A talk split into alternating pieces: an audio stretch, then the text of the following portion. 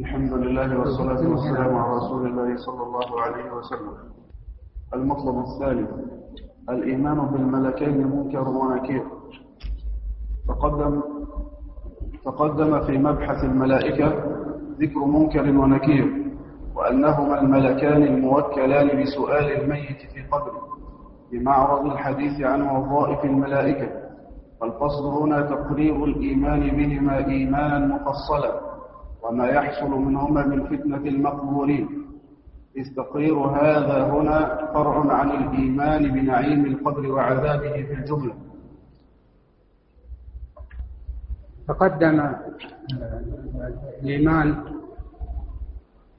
أو سيأتي في المبحث الثالث الإيمان بالبعث لكن قبل هذا تقدم لنا الإيمان بعذاب القبر ونعيمه. وتكلمنا فيه بما يناسب الوقت في الجلسة الماضية. وفتنة القبر تكون بسؤال هذين الملكين المنكر والنكير. كما جاء التعريف جاء معرفين في سنن أبي الترمذي سنن الترمذي المنكر والنكير وهو أصح إسنادا من اللفظة التي جاءت بالتنكير منكر ونكير هكذا. عند الترمذي بسند حسن أو أحسن من الحسن إن صح التعبير المنكر والنكير. مذهب أهل السنة وهذا نؤكد عليه كما مضى الإيمان بما صح عن النبي صلى الله عليه وسلم. وقد صح عنه صلى الله عليه وسلم سؤال الملكين للمقبورين وصح كما تقدم أنه إذا دفن الميت وقبر وأدبر عنه أهله حتى أنه ليسمع قرع نعالهم يأتيه ملكان. هذا في الصحيح يأتيه ملكان. جاءت تسمية الملكين في روايات أخرى وهي مختلفة في إسنادها. منها آه، ما أشرت إليه عند الترمذي وبتسميتهما المنكر والنكير. فيسألانه أسئلة آه، هي ثلاثة ولعلها ستأتي. يسألانه عن ربه وعن دينه وعن نبيه صلى الله عليه وسلم. فهي ثلاثة أسئلة. وهي الأصول الثلاثة. وهي الأصول الثلاثة. معرفة آه، الله سبحانه وتعالى. ومعرفة النبي الدين النبي صلى الله عليه وسلم ومعرفة الدين الإسلامي بأدلته. فهي هذه الأسئلة الثلاثة. ما من ربك وما دينك ومن نبيك. هذه الأسئلة الثلاثة هي التي يسأل عنها كل إنسان في قبره. فالموفق يجيب والمخذول والكافر يقول ها والمنافق يقول ها ها لا أدري سمعت الناس يقولون شيئا فقلته. انظروا إلى الموقن المؤمن إيمانا صادقا يقينيا يجيب إجابة ويقال له قد علمنا أنك يعني ستجيب بهذه الإجابة. ثم بعد ذلك يفتح له باب إلى الجنة وأولا إلى النار كما تقدم ثم بعد ذلك يغلق هذا وهذا زيادة في إفراحه وفي آه، إكرامه وفي تنعيمه. فيرى هذا الهول العظيم من النار ثم يغلق. قال هذا لست من أهلها معنى الكلام. ثم يفتح له باب إلى الجنة ويمد له في يعني يوسع له في قبره مد البصر.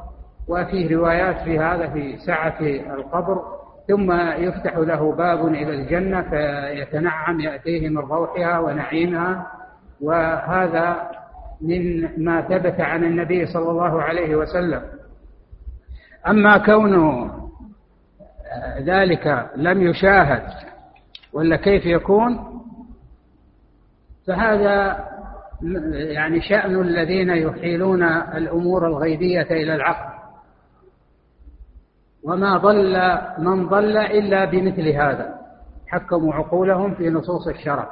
أما المؤمنون فيقولون ما ثبت عن نبينا صلى الله عليه وسلم وهو الصادق في أخباره فإنا نؤمن به كما جاء عن النبي صلى الله عليه وسلم ولا ندخل في محاولة معرفة الكيفيات. فهذه من الأمور المغيبة والبرزخ كما قلنا فيما سبق أموره من أمور الآخرة وأحواله من أحوال الآخرة. كما قال ابن عباس ليس في الدنيا مما في الجنة إلا الأسماء. أما الكيفيات والحقائق فإنها تختلف عما في الدنيا. فالمؤمن يؤمن بهذا. ما دام ثبت عن النبي صلى الله عليه وسلم فإنه يؤمن به. نعم. وقد دلت. قالوا حفظهم الله. وقد دلت الأحاديث الصحيحة على وصف هذين الملكين وسؤالهما أهل القبور بعد الدفن كما جاء في الحديث الذي أخرجه الترمذي وابن حبان عن أبي هريرة رضي الله عنه قال قال رسول الله صلى الله عليه وسلم إذا قبر الميت أو قال أحدكم أتاه ملكان أسودان أزرقان؟ يقال لأحدهما المنكر والآخر النكير.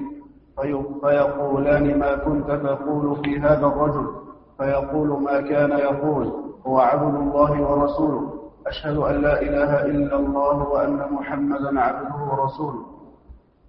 فيقولان قد كنا نعلم أنك تقول هذا ثم يفسح له في قبره سبعون ذراعا في سبعين.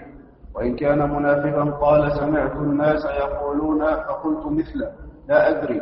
فيقولان قد كنا نعلم أنك تقول ذلك فيقال للأرض اتئمي عليه فتلتئم عليه فتختلف أضلاعه فلا يزال فيها معذبا حتى يبعثه الله من مضجعه ذلك. وقد دل على سؤال الملكين أيضا حديث أنس المتقدم في المطلب السابق. فيجب الإيمان فيجب الإيمان بما دلت عليه الأحاديث من اسم الملكين ووصفهما وسؤالهما المقبولين. وكيفية ذلك وما وما يجيب به المؤمن وما يجيب به المنافق.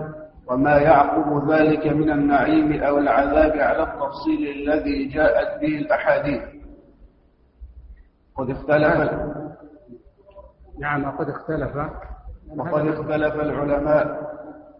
هل السؤال في القبر خاص بهذه الأمة كما ذهب لذلك البعض أم أنه عام في كل الأمم كما هو قول فريق آخر من أهل العلم والذي يظهر من النصوص عدم اختصاص هذه الأمة به؟ بل هو عام في كل الأمم وعلى هذا أكثر المحققين من أهل العلم والله تعالى أعلم. ومن ذلك قول إذا قبر الميت. فالميت عام يشمل كل ميت سواء كان من هذه الأمة أو من غيرها. فالصحيح أنه يعني أن فتنة القبر تكون لهذه الأمة ولغير هذه الأمة. وكما قلنا ما دام ثبت بهذا الحديث عن النبي صلى الله عليه وسلم فيجب الإيمان به. ثم المبحث المبحث الثالث. الإيمان بالبعث. الإيمان بالبعث من أعظم أصول الإيمان في هذا الدين وهو مشتمل على جوانب متعددة مما دلت عليه النصوص في هذا الباب وسيكون مبحثه هنا من خلال عدة مطالب. تجلي حقيقته وتبرز أهميته. تجلي حقيقته وتبرز حقيقة الإيمان به وما يجب على المؤمن أن يؤمن به من أحواله وأحداثه. لا يوجد في القرآن بعد توحيد الله جل جلاله والإيمان به وبرسوله صلى الله عليه وسلم أكثر من تقرير الإيمان بالبعث. جاء في سبعمائة وسبع وستون وستين آية.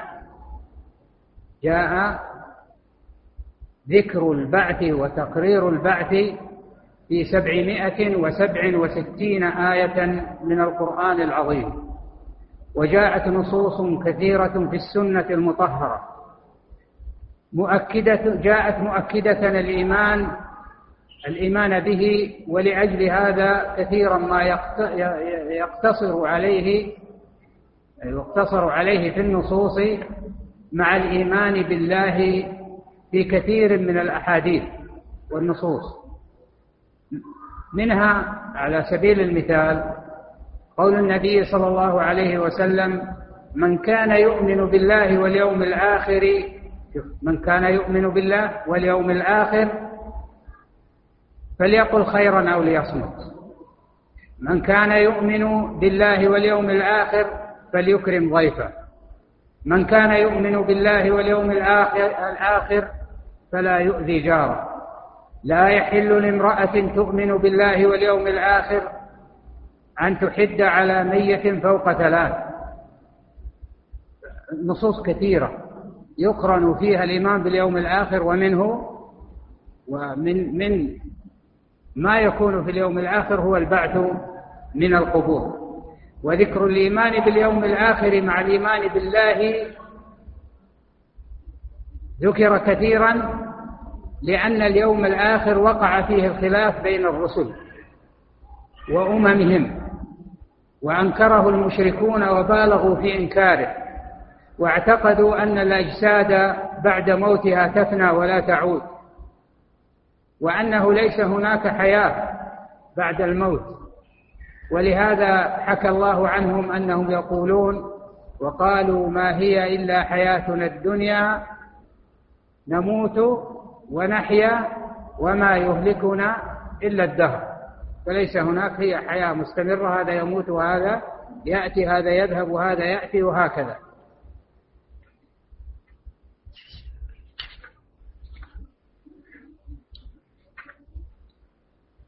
فلهذا الأمر والله تعالى أعلم تكرر تقريره والتأكيد عليه وعلى الإيمان به في مثل في في هذا الكم الكثير من من الآيات ومن الأحاديث الصحيحة من سنة النبي صلى الله عليه وسلم. نعم. قالوا حفظهم الله المطلب الأول. معنى البعث وحقيقته. البعث بكلام العرب يأتي على وجهين أحدهما الإرسال ومنه قوله تعالى ثم بعثنا من بعدهم موسى أي أرسلنا والثاني الإثارة والتحريك. تقول بعثت البعير فانبعث أي أثرته فثار ومنه بعث الموتى وذلك بإحيائهم وإخراجهم من قبورهم. قال تعالى ثم بعثناكم من بعد موتكم. أي أحييناكم. هذا من حيث اللغة. يعني يدور معناه على معنى الإثارة والتحريك. الإثارة. أثرت كذا أي آه، بعثته أي أثرته. فهذا من من ناحية آه، اللغة. أما في الشرع أيوه. فهو إحياء الموتى والبعث في الشرع هو إحياء هو إحياء الله للموتى وإخراجهم من قبورهم. هذا هذا في ناحية الشرع. إذا قيل البعث البعث فإنه المقصود به هو إحياء الله للموتى وإخراجهم من قبورهم للحياة الآخرة. للحياة الآخرة التي سيأتينا آه، يعني بداية من من إحيائهم ثم الحشر ثم مواقف القيامة وهي كثيرة جدا. نعم. وحقيقة الله. وحقيقة البعث. أن الله تعالى يجمع أجساد المقبورين التي تحللت ويعيدها بقدرته كما كانت. ثم يعيد الأرواح إليها ويسوقهم إلى محشرهم لفصل القضاء قال تعالى وضرب لنا مثلا ونسي خلقه. قال من يحيي العظام وهي رميم. قل يحييها الذي أنشأها أول مرة وهو بكل خلق عليم. وعن حذيفة رضي الله عنه أنه قال قال رسول الله صلى الله عليه وسلم إن رجلا حضره الموت لما أيس من الحياة أوصى أهله. إذا مت فاجمعوا لي حطبا كثيرا ثم أوروا نارا. حتى إذا أكلت لحمي وخلصت إلى عظمي فخذوها فاطحنوها فذروني في اليم. في يوم حار أو حاء أو راحل. فجمعه الله فقال لم فعلت؟ قال خشيتك. فغفر له. فدلت الآية والأحاديث على أن الله تعالى يعيد الأجساد نفسها ويجمع رفات رفاتها ويجمع رفاتها المتحللة حتى تعود كما كانت فيعيد إليها أرواحها. فسبحان من لا يعجزه شيء وهو على كل شيء قدير. سبحانه هذه الآية جاء يعني العرب أو المشركون من العرب أنكروا البعث كما أنكره غيرهم. ذكر ابن إسحاق رحمه الله أن أبي بن خلف مشى إلى النبي صلى الله عليه وسلم بعظم حائل. بعظم قد أرم أو أرم أو أرم. هكذا ضبطوها. وأرم يقولون هي الأكثر أي صار باليا بليا. فقال يا محمد أنت تزعم أن الله يبعث هذا بعدما أرم أو أرم ثم فته بيده أتى بالعظم البالي يعني مثل الطباشير. ففته في وجه النبي صلى الله عليه وسلم ثم نفخ به في وجه النبي صلى الله عليه وسلم. يعني هذا منتهى الاستبعاد. عقولهم لم تستوعب أن يعيد, الله سبحانه وتعالى هذا الجسد بعدما صارت عظامه بهذه المثابة. فنفخ به نحو النبي صلى الله عليه وسلم. فقال النبي صلى الله عليه وسلم نعم نعم أنا أقول ذلك يبعثه الله وإياك بعدما تكونان هكذا. يعني مثل هذا الذي أتيت به ثم يدخلك النار. ومن يعني معجزات النبي أن الرجل مات على على الكفر. والنبي قال ثم يدخلك النار. فهذا خبر من النبي صلى الله عليه وسلم أنه سيدخل النار ولذلك مات كافرا مشركا وسيدخل النار. ثم آه، يعني أنزل الله سبحانه وتعالى هذه الآية وضرب لنا مثلا ونسي خلقه قال من يحيي العظام وهي رميم؟ كيف؟ ما, ما, ما يمكن هذا مستحيل في عقولهم. قل يحييها الذي أنشأها أول مرة.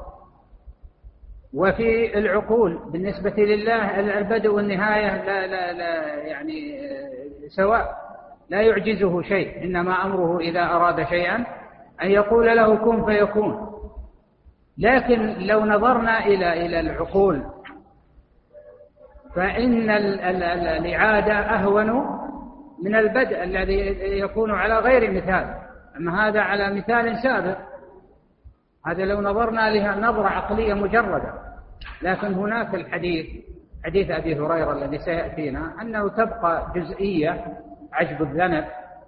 هذا لا يبلى غير قابل للفناء. ومنه ينبت يحتفظ بجميع خصائص الإنسان. أنتم تعرفون الآن الخصائص الوراثية التي يحتفظ بها حتى أنهم يأخذون يعني شيء من اللعاب أو من الدم ويستدلون به على أن هذا ابن فلان أو من القبيلة الفلانية أو من الجنسية الفلانية وهكذا. والله سبحانه وتعالى أقدرهم أطلعهم على هذا. هم, هم لم يوجدوا هذا. إنما آه، الله سبحانه وتعالى مكنهم من هذه المعرفة. من الذي أودع هذه الخصائص في هذا اللعاب وفي هذا الدم وفي هذا العظم هو الله سبحانه وتعالى. إنهم عثروا عليها وقعوا عليها فقط. ولو شاء الله سبحانه وتعالى أن يحجب علم هذا عنهم لحجبه. فقال يعني من من من استبعادهم لهذا الأمر من يحيي العظام وهي رميم قل يحييها الذي انشاها اول مرة وهو بكل خلق عليم. هذا هذا الجواب السهل. الذي قدر عليها في البدء يقدر عليها في الإعادة. ولذلك الدين ونصوص الشرع سهلة. لا تحتاج إلى تكلف فيها الذي أنشأ آمن بها المؤمنون والعرب الخلص الذين كانوا يعرفون اللغة. وما ما ما ما احتاجوا إلى إلى تفسيرات وإلى معامل ولا آمنوا بها يعني أمر واضح. ثم آه، ذاك الرجل من الأمم السابقة آه، أنه آه، كما قرأ الأخ في الحديث وخلاصته أنه قال لأهله إذا مت فأحرقوني وذروني في الهواء.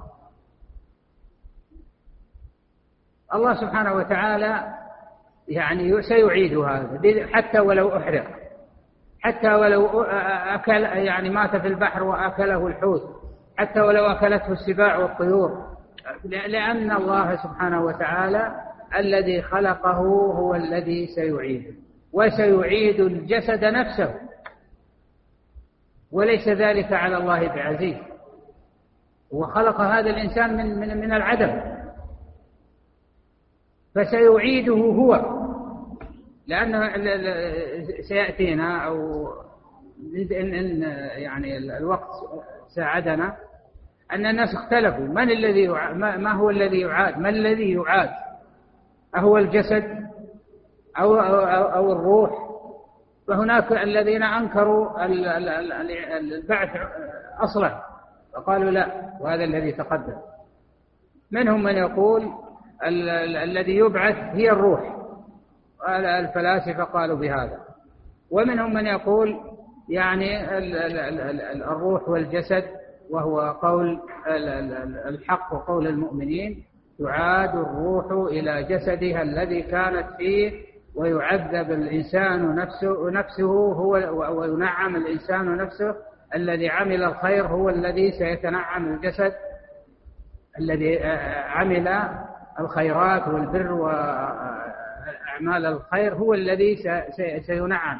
وأيضا في المقابل الجسد العاصي الذي عصى الله سبحانه وتعالى هو الذي سيعاقب.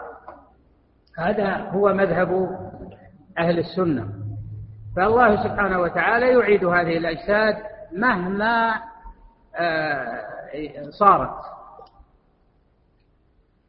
سواء أحرقت أو, أو, أو, أو أكلها الطير أو أكلتها السباع أو أكلها الحوت أو أو في البر في البحر في أين ذهبت فإن الله سبحانه وتعالى سيعيدها. وهذا هو الإيمان بقدرة الله سبحانه وتعالى والتسليم. والتسليم. أما الإنسان إذا إذا إذا بدأ يقول يتصور كيف كيف هذا لا تدركه. يعني الله سبحانه وتعالى أعطى الإنسان قدرا محدودا من الإدراك ومن العقل لا يتعدى كما قلنا في الأول كما أعطاه في الجسم قدرة لا لا يستطيع أن يتحمل أكثر من من من من هذه القدرة. نعم. قال حفظهم الله. وقد جاء في السنة بيان كيفية البعث. وأن الله ينزل إلى الأرض ماء فينبت به فينبت به أهل القبور كما ينبت العشب. وقد دل على ذلك حديث أبي هريرة الذي أخرجه الشيخان أن رسول الله صلى الله عليه وسلم قال ما بين النفقتين أربعون. قال أربعون يوما. قال أبين. قال أربعون شهرا. قال أبين. قال أربعون سنة. قال أبين. قال ثم ينزل الله من السماء ماء فينبتون كما ينبت البقل. ليس من الإنسان شيء إلا يبلى إلا عظما واحدا وهو عجب الذنب. ومنه يركب الخلق يوم القيامة. وقد دل هذا الحديث على كيفية البعث وأن أهل القبور يبقون في قبورهم أربعين بين النفقتين وهما نفقة الإماتة ونفقة البعث. ولم يجزم الراوي بتحديد الأربعين بتحديد الأربعين ما هي. وهل المراد وهل المراد أربعون يوما أو شهرا أو سنة؟ على أنه جاء في بعض الروايات أنها أربعون سنة. ثم إذا أراد الله بعث الخلائق أنزل مطرا من السماء. جاء في بعض الروايات أنه مثل مني الرجال. فينبت أهل القبور من ذلك الماء كما ينبت العشب. بعد أن فتت أجسادهم نعم. فتتت بعد أن فتتت أجسادهم إلا عدم الذنب وهذا بخلاف الأنبياء فإن أجسادهم لا تبلى كما تقدم نعم. فإن أجسادهم لا تبلى. لا تبلى أو لا تبلى لا تبلى الظاهر أيوه كما تقدم في كما تقدم المباحث السابق. وتبين بهذا حقيقة حقيقة البعث ووقته وكيفيته والله أعلم. والله أعلم. كيفية البعث من حيث الإجمال. فجاء جاء حديث أبي هريرة هذا الذي أخرجه البخاري ومسلم أن رسول الله صلى الله عليه وسلم قال ما بين النفقتين أربعون. ما بين النفقتين النفقة الأولى هي نفقة الصعق التي يموت بها الأحياء. والنفقة الثانية هي نفقة البعث التي على أثرها يبعث الناس. فأبو هريرة يقول بين النفقتين أربعون فقيل له أحد من سمعه يحدث بهذا قيل له أربعون يوما. قال أبيت أبيت بمعنى أبيت الإجابة يعني لا أجيبكم ثم لا ندري لماذا لا يجيب. هل هو ليس عند قيل أبيت أي أبيت الإجابة. وقيل معناها نسيت. وقيل معناها أن هذا لا يعلمه إلا الله سبحانه وتعالى. فلذلك لكن جاءت رواية أخرى أنها أربعين أنها أربعون سنة. فهذه الفترة بين النفختين تكون أربعون سنة وفي أربعين سنة وفي هذه تكون تحولات كبيرة جدا. تبدل الأرض غير الأرض. وليس معنى يعني الأرض غير الأرض يؤتى بأرض أخرى كما يقول بعض يفهم بعض الناس لا تبدل في صفاتها فتظهر وكأنها أرض غير الأولى. لا جبال لا شجر لا ليس عليها بنيان لا يعني لا ترى فيها عوجا ولا أمتع. ليس فيها نتوء ليس فيها بروز كخبزة النقي متساوية. فالجبال تنسف الشمس تكور السماء وكل الكون يحصل عليه من التغيرات ما جاء في كتاب الله سبحانه وتعالى وفي سنة النبي صلى الله عليه وسلم النجوم تتناثر تحصل كل هذه التغيرات هنا حتى تكون جاهزة لحشر الناس عليها. فهذه الأمور من الأمور الغيب. يعني ما الذي يدري الناس لو لم يتحدث بها النبي صلى الله عليه وسلم؟ ولو لم والنبي صلى الله عليه وسلم لا يقول إلا وحي. ها؟ وما ينطق عن الهوى إن هو إلا وحي يوحى. فما علينا إلا أن نرى. ومثل هذه الأمور ترى تكثر فيها الأحاديث الموضوعة. تكثر فيها الأحاديث الضعيفة والموضوعة والقصاص. لهم دور كبير وأصحاب الأهواء والذي يريد أن يرد والذي يريد أن يثلب فرقة فرقة مخالفة له وهكذا. لكننا نحن علينا أن نبحث هل هذا ثبت عن النبي صلى الله عليه وسلم؟ إذا ثبت عنه آمنا به. وهذه كما قلنا سمة المؤمنين وصفتهم أنهم يؤمنون بالغيب والإيمان بالبعث سيأتينا. يعني له له فوائد كثيرة سنختم بها. فوائد عظيمة جدا. في إصلاح الفرد والمجتمع. فجاء أن أن أن كيفية بعث الناس أن الله سبحانه وتعالى يمطر مطرا. جاء في بعض الروايات أن هذا الماء يكون كمني الرجال فينبتون منه. وينبتون كما قلنا أن كل ابن آدم كما جاء في الحديث الأول يبلى. يفنى جميعا إلا جزئية منه اسمها عجب الذنب. هذه لا تبلى. منها يعاد الإنسان يركب الإنسان ينبت. وهذا ليس يعني ليس غريبا. نحن نرى أن هذه الزرع ينبت من ماذا؟ من بذور. لما لا يكون هذه مثلها؟ بذرة. يحتفظ الله بها بقدرته سبحانه وتعالى علمنا المكان أو لم نعلم رأيناها أو لم نرها لا, لا يأتينا أحد ويقول طيب الأطباء ما عرفوها؟ وماذا عرفوا؟ أنا حدثني طبيب يقول ما علمنا من علم الأعصاب أقل بكثير مما جهلنا. أسرار كثيرة ولذلك كل يوم يطلعون لنا بشيء جديد. كل يوم يطلعون لنا بشيء جديد.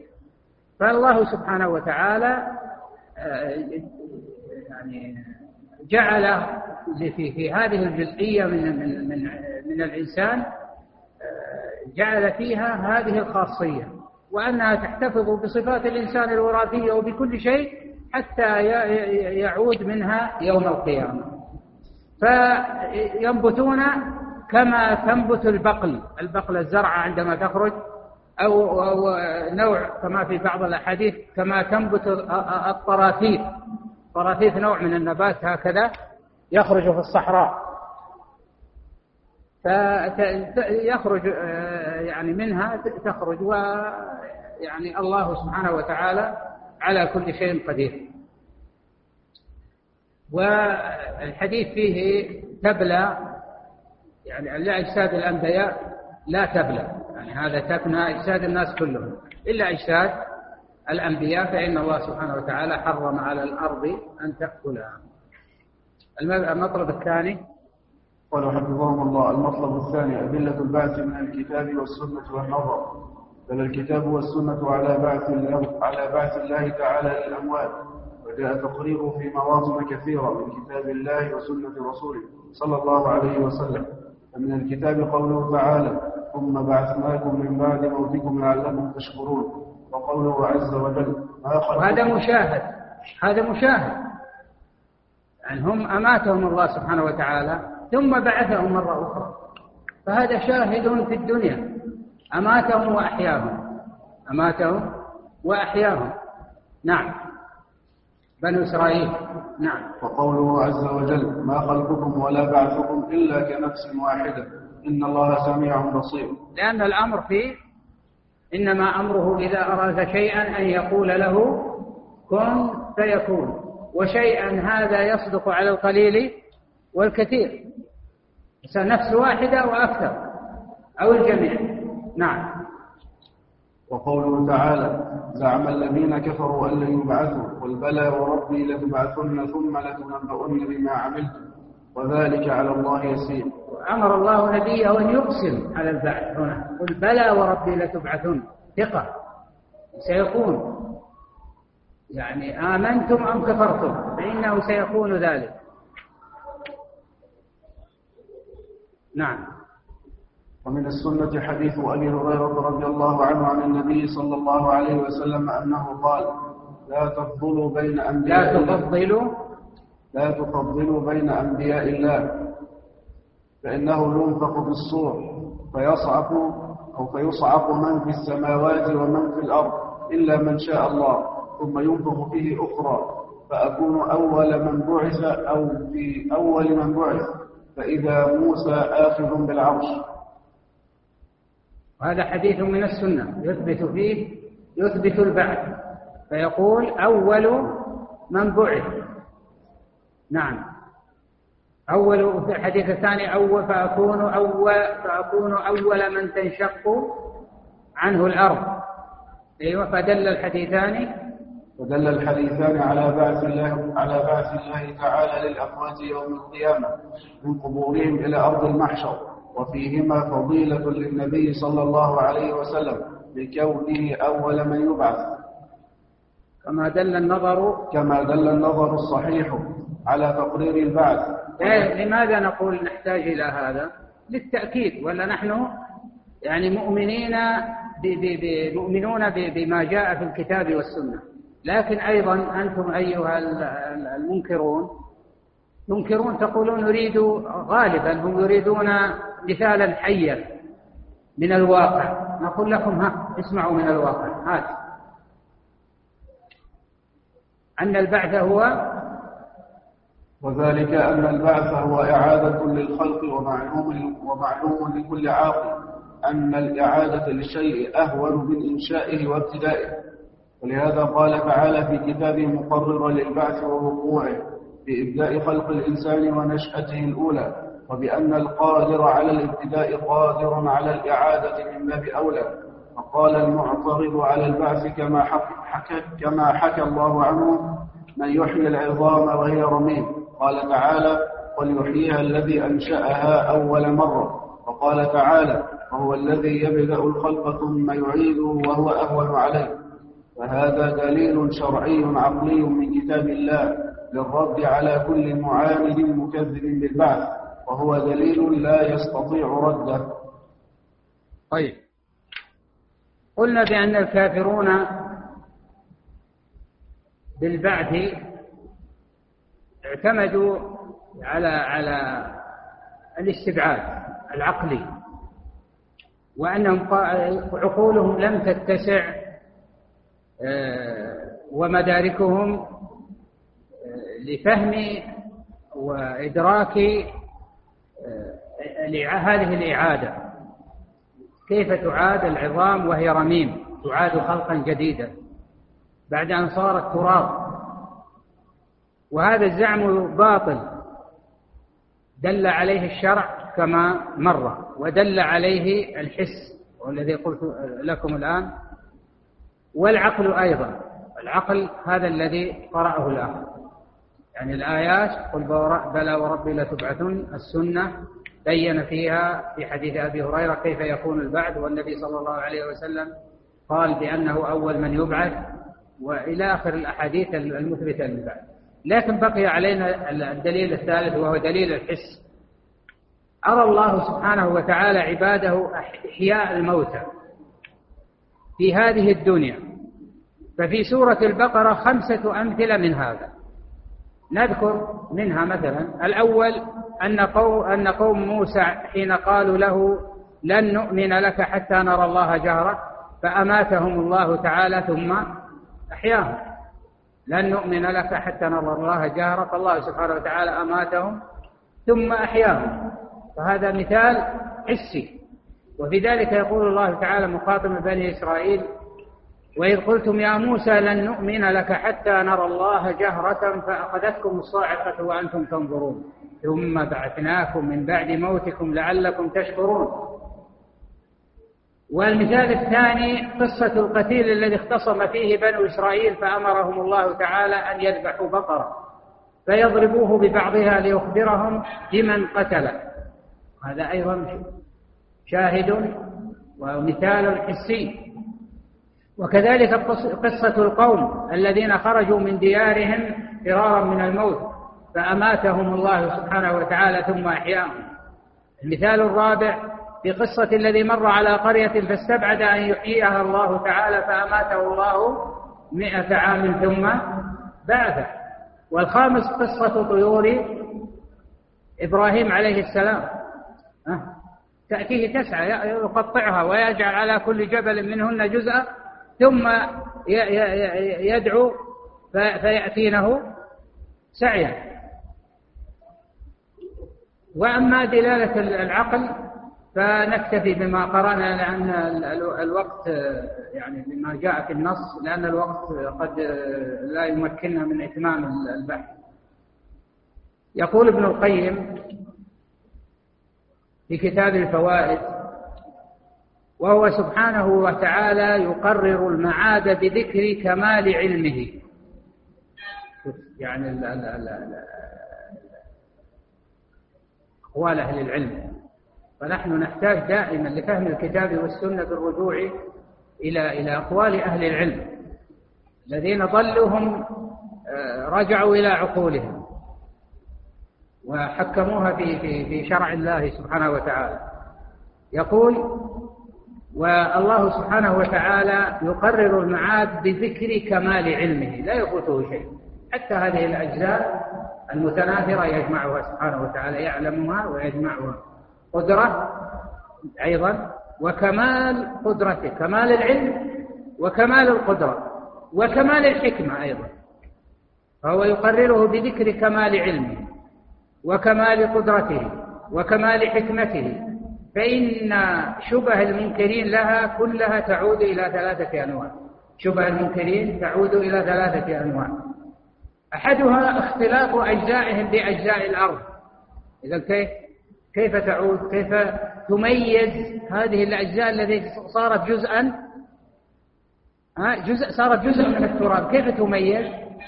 يقول أحدها اختلاط أجزائهم بأجزاء الأرض على وجه لا يتميز ولا يحصل معها تميز شخص عن شخص.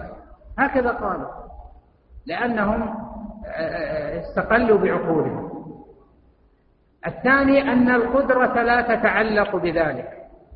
الثالث أن ذلك أمر لا فائدة فيه وإنما الحكمة اقتضت دوام هذه هذا النوع الإنساني كما قلنا في الأول أرحام تدفع وأرض تبلع وهكذا دورة. أرحام تدفع وأرض تبلع إلى ما لا نهاية.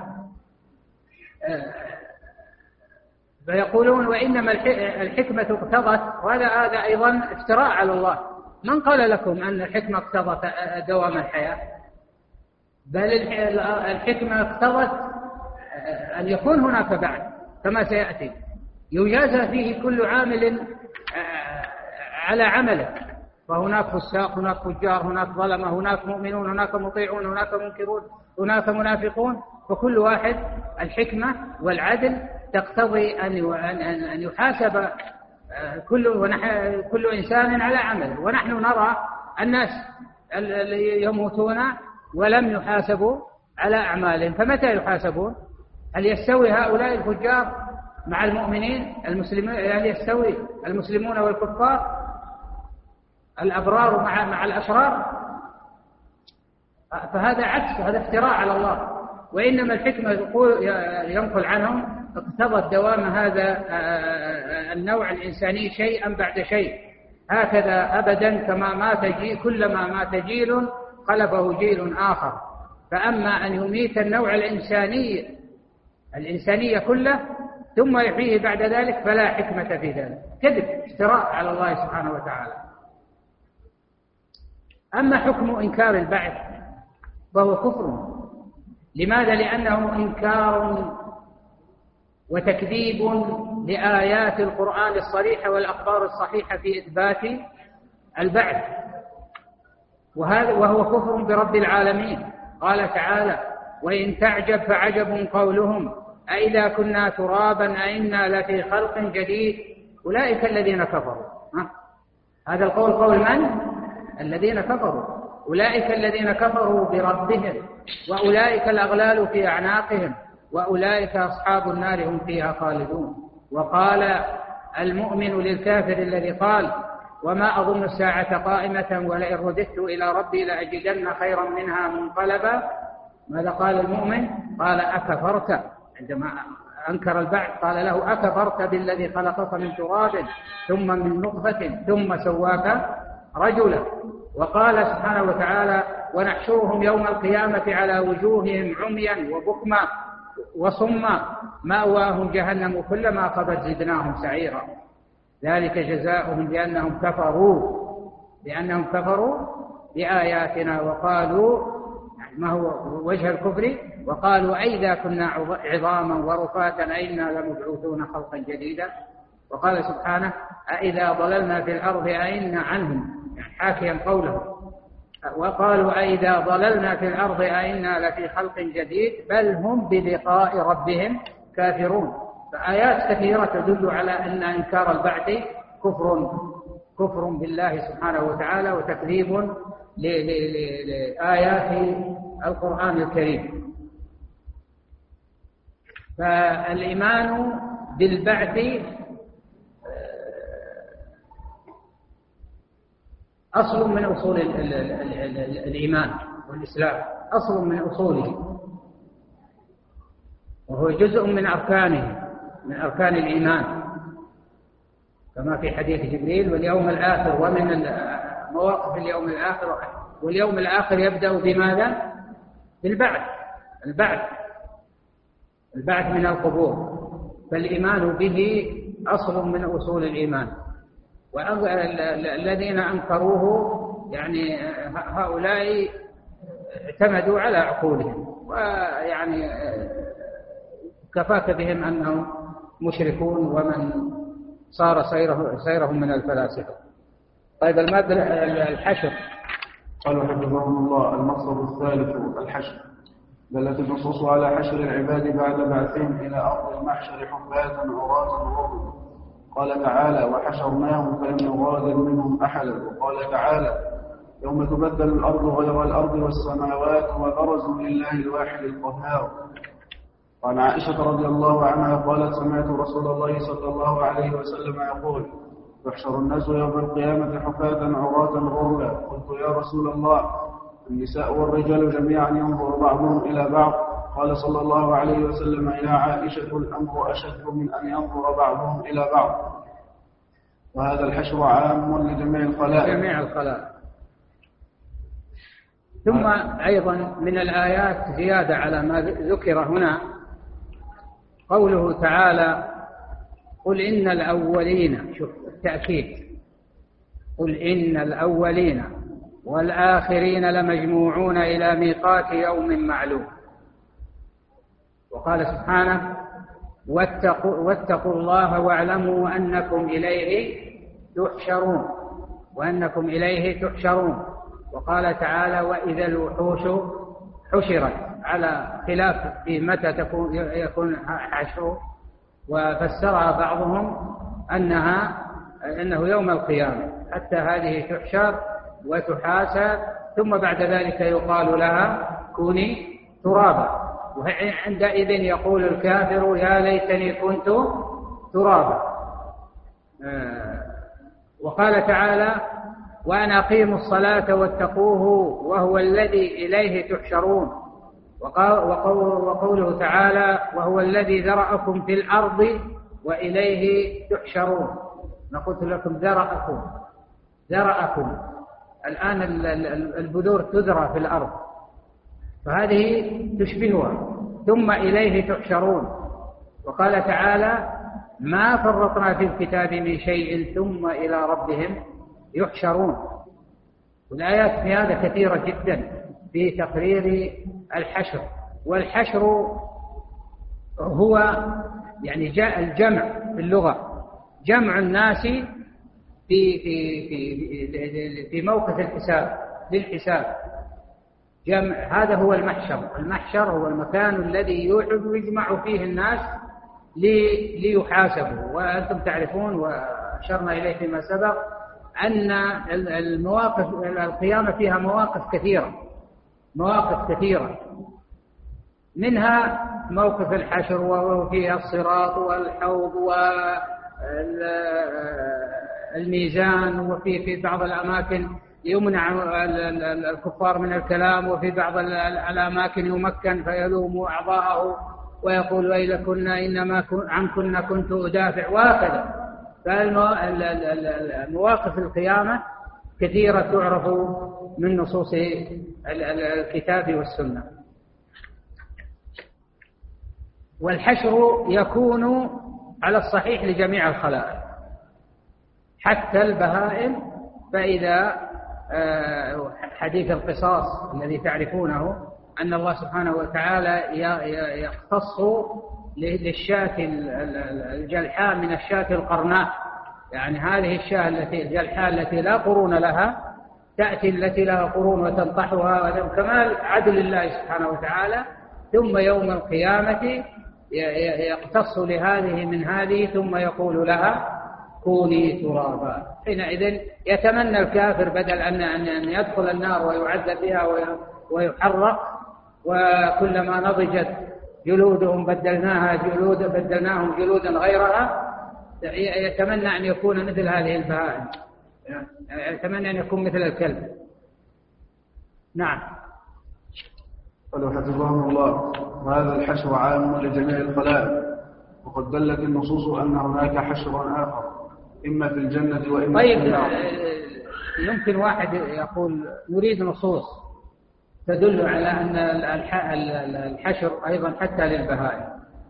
منها قوله تعالى وما من دابة في الأرض ولا طائر انتبهوا ولا طائر يطير بجناحيه إلا أمم أمثالكم ما فرطنا في الكتاب من شيء ثم إلى ربهم يرجعون. ثم إلى ربهم يرجعون. ومنها حديث أبي ذر رضي الله تعالى عنه رأى شاتين ينتطحان فقال النبي صلى الله عليه وسلم رأى شاتين تنتطحان. وعنده أبا ذر أبو ذر. فقال له يا أبا ذر أتدري فيما تنتطحان؟ هل تعلم لماذا تنتطح هاتان الشاتان؟ قال قلت لا. قال لكن الله يدري. لكن الله يدري وسيقضي بينهما. رواه الإمام أحمد وقال الشيخ الألباني صحيح. لكن الله يدري وسيقضي بينهما. وهذا من أدلة آه، الحشر البهائم. فيكون الحشر عام لجميع الخلق. منها أيضا حديث مانع الصدقة. حديث الذي جاء في مانع الصدقة صدقة الإبل والبقر والغنم أنها تجيء يوم القيامة تجيء أعظم ما كانت وأسمنه تنطحه بقرونها وتطأه بأضلافها فهذا من الآثار من الأدلة على أن الحشر عام. طيب يا أخي وقد دلت النصوص أن هناك حشر؟ وقد دلت النصوص أن هناك حشر آخر إما في الجنة وإما في النار. يعني هذا الحشر عند الإطلاق يقصد به في هذا الموقف بعد البعث وقبل صيرورة الناس إما إلى الجنة وإما إلى النار. هذا هو الحشر الأكبر الأعظم لكن هناك حشر آخر هؤلاء يجمعون في الجنة وهؤلاء يجمعون في النار. ويسمى نحن قلنا أن الحشر معناه الجمع والضم. فإذا هذا هذا أيضا يسمى حشر كما سيأتي في في في في, في الأحاديث. نعم. حشر آخر إما في الجنة وإما في النار. فيحشر المؤمنون إلى الجنة وفدا. وفدا. والوفد هم القائمون الركبان. قال تعالى يوم نحشر المتقين إلى الرحمن وفدا. أخرج الطبري عن علي رضي الله عنه قال يوم نحشر المتقين إلى الرحمن وفدا قال أم أما والله ما يحشر الوفد على أرجلهم ولا يساقون سوقا ولكنهم يؤتون بنوق لم يرى الخلائق مثلها عليها رحال رحال الذهب وأزمتها الزبرجد فيركبون عليها حتى يضربوا أبواب الجنة. أيوة وأما الكفار؟ وأما الكفار فإنهم يحشرون إلى النار على وجوههم عميا وبكما وصما. قال تعالى الذين يحشرون على وجوه إلى جهنم أولئك شر مكانا وأضل سبيلا. قال تعالى ونحشرهم يوم القيامة على وجوههم عميا وبكما وصما.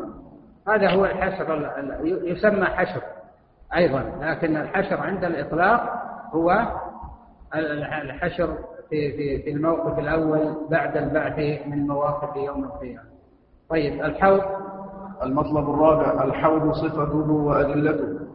الحوض مورد عظيم أعطاه الله لنبينا محمد صلى الله عليه وسلم في المحشر. يريده هو وأمته. جاء وصفه في النصوص أنه أشد بياضا من اللبن وأبرد من الثلج وأحلى من العسل وأطيب ريحا من المسك وهو في غاية الاتساع عرضه وطوله سواء. كل زاوية من زواياه مسيرة شهر يمد ماؤه من الجنة. فيه ميزابان يمدانه من الجنة. أحدهما من ذهب والآخر من فضة وآنيته كعدد نجوم السماء. الحوض أيضا مما ذكر ذكر النبي صلى الله عليه وسلم أن الله جل وعلا أكرمه به وأنه يرده من أمته المؤمنون به صلى الله عليه وسلم. وهذا الحوض يعني جاء في في الأحاديث صفة هذا الحوض وعرضه وأنه يعني عرضه وطوله سواء وأن كيزانه كعدد نجوم السماء وأنه عظيم جدا والمؤمنون يؤمنون به ولكن بعض الفرق ينكرون حديث الحوض متواترة. أحاديث الحوض كما سيأتي متواترة. فالإيمان به واجب ولا بد من الإيمان به لأن النبي صلى الله عليه وسلم أخبر به. يقول بعض العلماء حري بمن أنكر الحوض ألا يشرب منه. الجزاء من جنس العمل. فالذي ينكر الحوض لا يطمع في أن يشرب منه لأنه ينكره أصلا. فكيف يطمع أن يشرب منه؟ فهذا من أحوال يوم القيامة. ولكنهم يختلفون كما سيأتي. هل هو في في مكانه؟ هل هو قبل الصراط أو بعد؟ فمن العلماء من يقول قبل الصراط ومنهم من يقول آه، بعد الصراط ولكن الأكثر على أنه يكون في المحشر قبل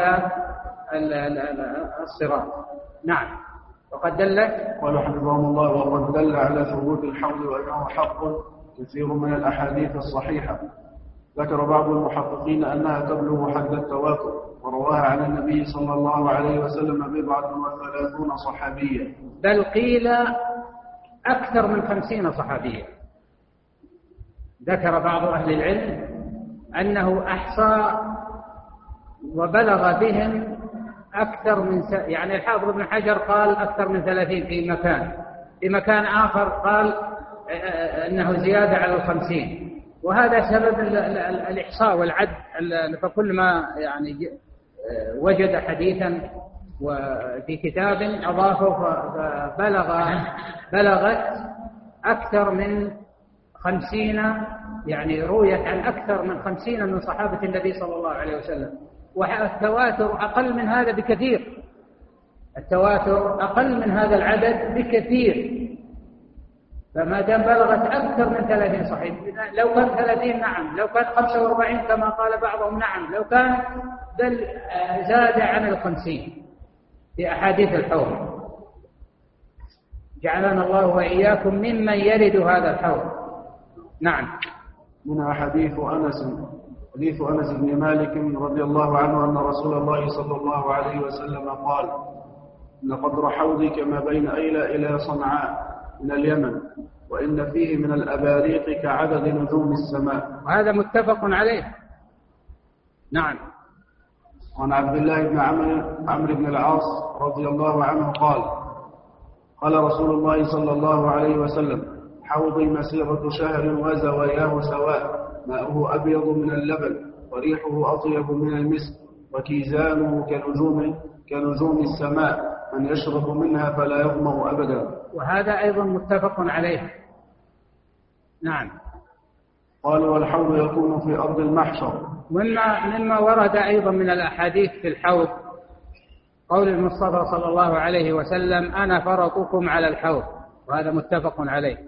وقوله صلى الله عليه وسلم إني فرط لكم وإني شهيد عليكم. وإني والله لأنظر إلى حوضي الآن. يعني هو مخلوق موجود في وقت النبي صلى الله عليه وسلم. لأنه من من الكوثر في الجنة وسيأتينا أن الجنة مخلوقة وهي موجودة من الآن من قبل. أنا فرطكم على الحوض ويقول وإني والله لأنظر إلى حوض الآن. رواه البخاري. رواه البخاري. فهل هناك تأكيد أكثر من هذا؟ فكيف يعني بعد ذلك يشكك فيه من من من يشكك؟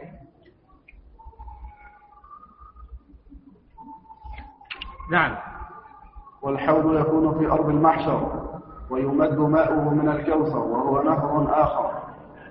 أعطاه الله لنبينا صلى الله عليه وسلم في الجنة. قال تعالى إنا أعطيناك الكوثر. وقد اختلف أهل العلم في الميزان والحوض أيهما يكون قبل أيهما يكون قبل الآخر؟ فقيل الميزان قبله وقيل الحوض. والصحيح أن الحوض قبل. قال القرطبي والمعنى يقتضي فإن الناس يخرجون عطاشا من قبورهم. قال الحافظ في الفتح وإيراد البخاري البخاري رتب ترتيب معين. وإيراد البخاري لأحاديث الحوض بعد أحاديث الشفاعة يعني هو ذكر أحاديث الشفاعة يعني المحشر الشفاعة تكون أين؟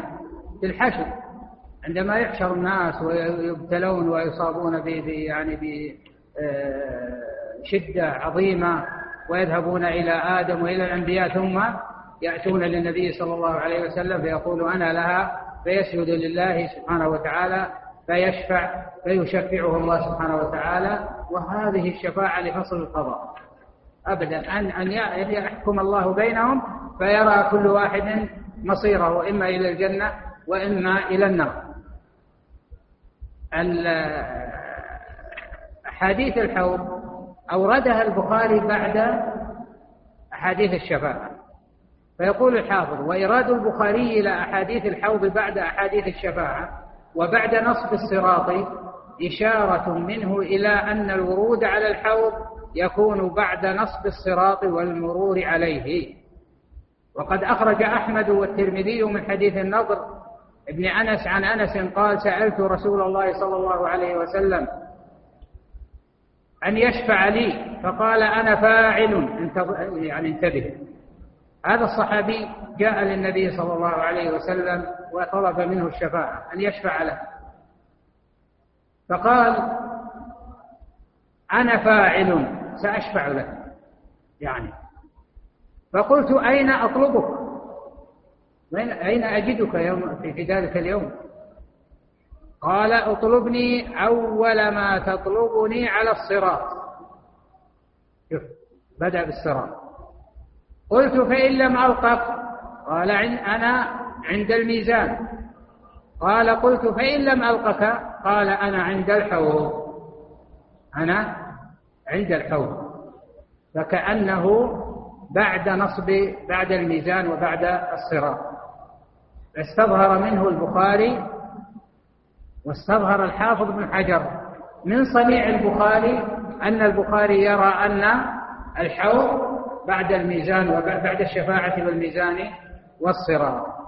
والله سبحانه وتعالى أعلم. لكن أكثر أكثر العلماء يرون أنه في المحشر والله تعالى أعلم. المهم أنه موجود. وأهم من هذا أن نسعى لأن نكون مما ممن ينال منه شربة لا يظمأ بعدها كما جاء في الحديث. من شرب منه شربة لا يظمأ بعدها لأنه سيدخل الجنة. والجنة ما فيها عطش. نعم. الميزان.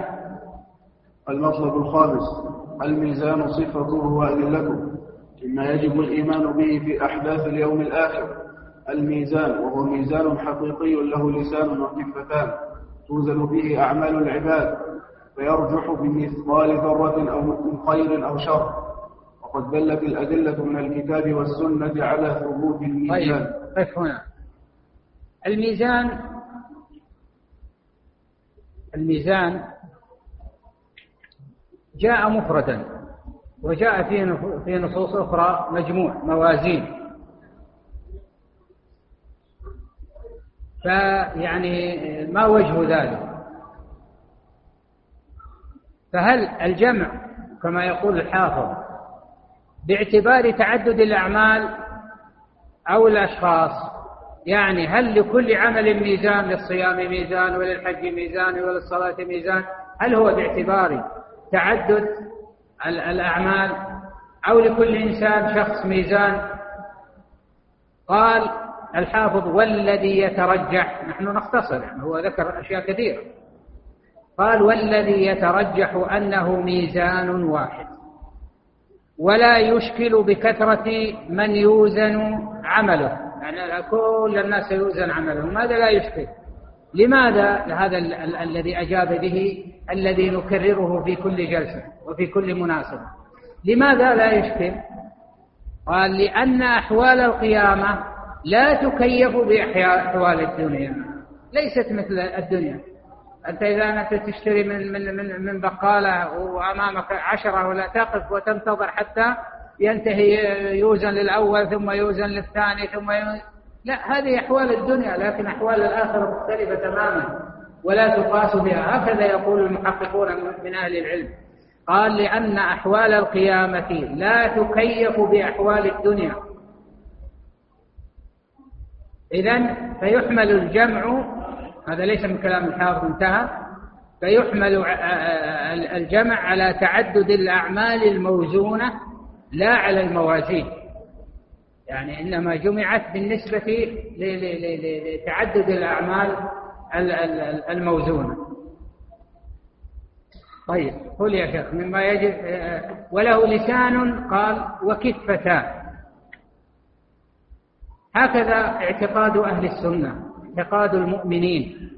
لا كما تقول المعتزلة أنه العدل المطلق. هم ماذا يقولون يقول ليس هناك ميزان حسي ولا وزن حسي. إنما هو معنوي. إنما هو عبارة عن العدل المطلق. عدل الله سبحانه وتعالى يسمى الميزان. هكذا عندهم. أي أن الله يحاسبهم بالعدل. هذا معنى الميزان. فأنكروا حقيقة الميزان وقالوا إن الأعمال أعراض. انظر كيف جاءت الفلسفة العقلية. قال قالوا إن الأعمال أعراض. الأعراض يعني صفات. ها؟ لا تقبل الوزن وإنما يقبل الوزن الأجسام. لأن العمل هذا شيء معنوي عرض صفة. ولا توزن هذا. بعقولهم لا توزن. لا توزن وزنا حسيا يعني. وهذا تأويل مصادم للنص. سيأتينا أحاديث تدل على أن الأعمال توزن وصحف الأعمال قد توزن بل قد يوزن العامل نفسه كما في حديث عبد الله بن مسعود عندما قال النبي صلى الله عليه وسلم أتعجبون من دقة ساقيه؟ ثم قال إنهما أثقل في الميزان من أحد. طيب اقرأ يا قال حفظهم الله. أيوه. وقد دلت الأدلة من الكتاب والسنة على ثبوت الميزان. قال تعالى ونضع الموازين القسط ليوم القيامة فلا تظلم نفس شيئا. وقال عز وجل فأما من ثقلت موازينه فهو في عيشة راضية وأما من خفت موازينه فأمه هاوية. وأخرج, وأخرج الشيخان عن أبي هريرة رضي الله عنه قال قال رسول الله صلى الله عليه وسلم كلمتان حبيبتان إلى الرحمن خفيفتان على اللسان ثقيلتان في الميزان. سبحان الله وبحمده سبحان الله العظيم. وروى فائدة فائدة على العزيزة يقول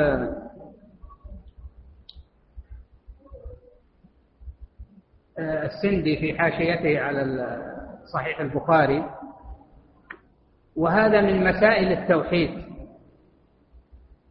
وبه ختم البخاري يعني صحيحه. وهذا الحديث أنتم تعرفون أنه بدأ صحيحه بحديث إنما الأعمال بالنيات وهو عند المحدثين يسمونه هذا فرد مطلق يسمونه فردا مطلقا.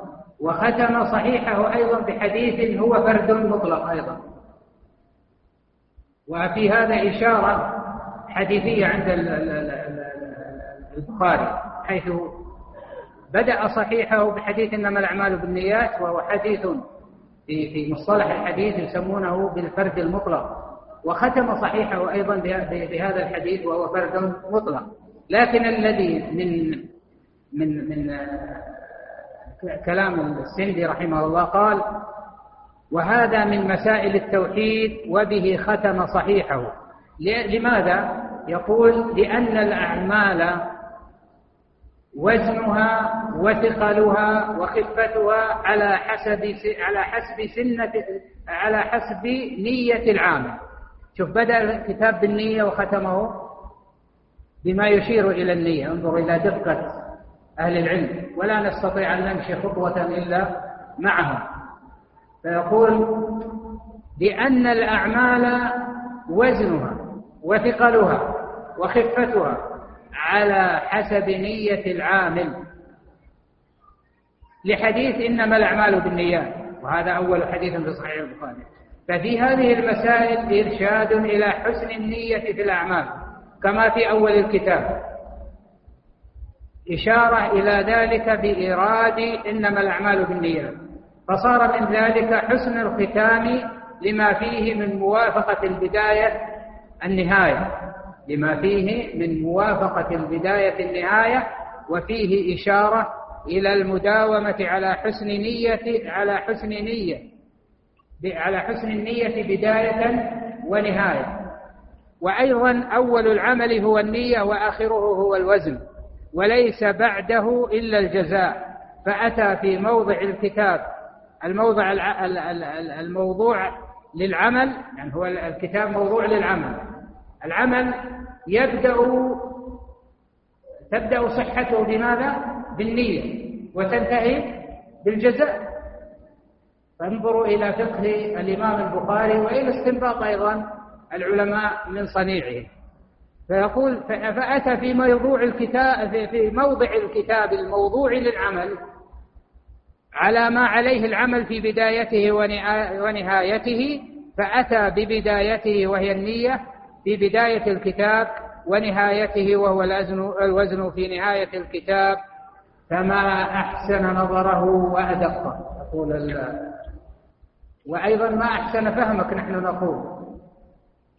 وألطف ما أخذك نعم. أيوه.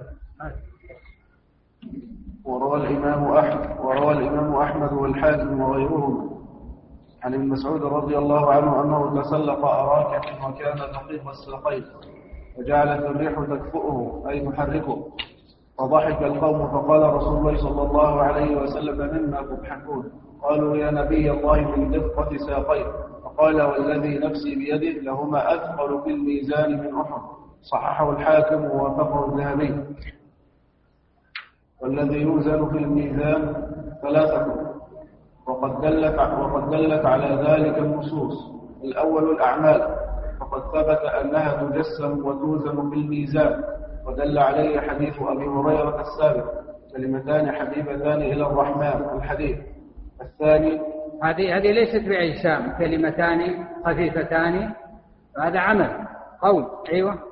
صحف الأعمال كما في حديث نعم. الثاني صحف الأعمال. وقد دل على ذلك حديث عبد الله بن عمرو بن العاص رضي الله عنهما أن رسول الله صلى الله عليه وسلم قال إن الله سيخلص رجلا من أمتي على رؤوس الخلائق يوم القيامة فينشر له تسعة وتسعين سجلا.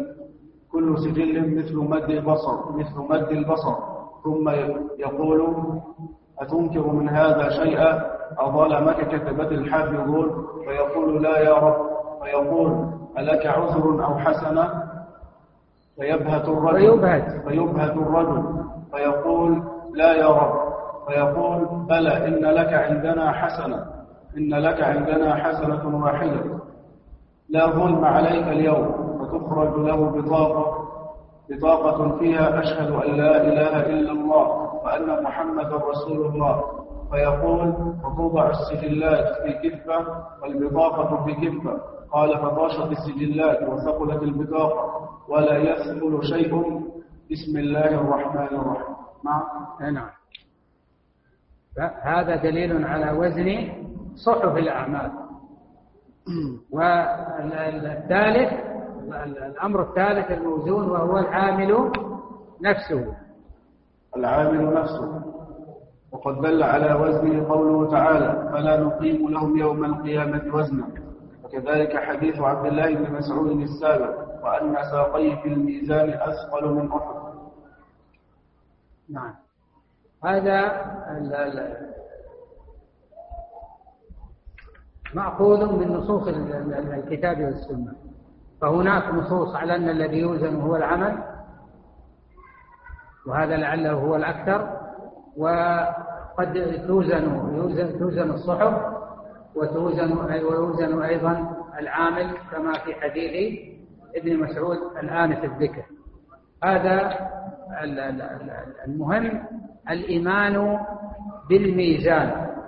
الإيمان بأن بأن الميزان الذي ينصبه الله سبحانه وتعالى لوزن الأعمال وأنه حسي لا معنوي كما يقول يقوله المنكرون ومنهم المعتزلة الذين يقولون لا أن المقصود هو العدل المطلق. الله يحكم بين يحاسب عباده بالعدل وسمي هذا العدل ميزانا. طيب كيف بهذه النصوص التي تنص على أن هناك ميزان حقيقي ووزن أيضا على الحقيقة؟ فيجب على المؤمن الذي آمن بالله ربا ومحمد صلى الله عليه وسلم نبيا أن يؤمن بما صح في في في في, في هذا وفي غيره من مسائل العقيدة وغيرها. نعم. قالوا حفظهم الله. المطلب السادس الشفاعة تعريفها وأنواعها وأدلتها. الشفاعة في اللغة الوسيلة والطلب وهي في العرف سؤال, سؤال الخير للغير. والشفاعة عند الله سؤال الله التجاوز عن الذنوب والآثام للغير وحقيقتها أن الله تعالى بلطفه وكرمه يأذن يوم القيامة لبعض الصالحين من خلقه هذا جزء من الشفاعة. يعني سيأتينا أن هناك شفاعة للفصل بين الخلائق. نعم.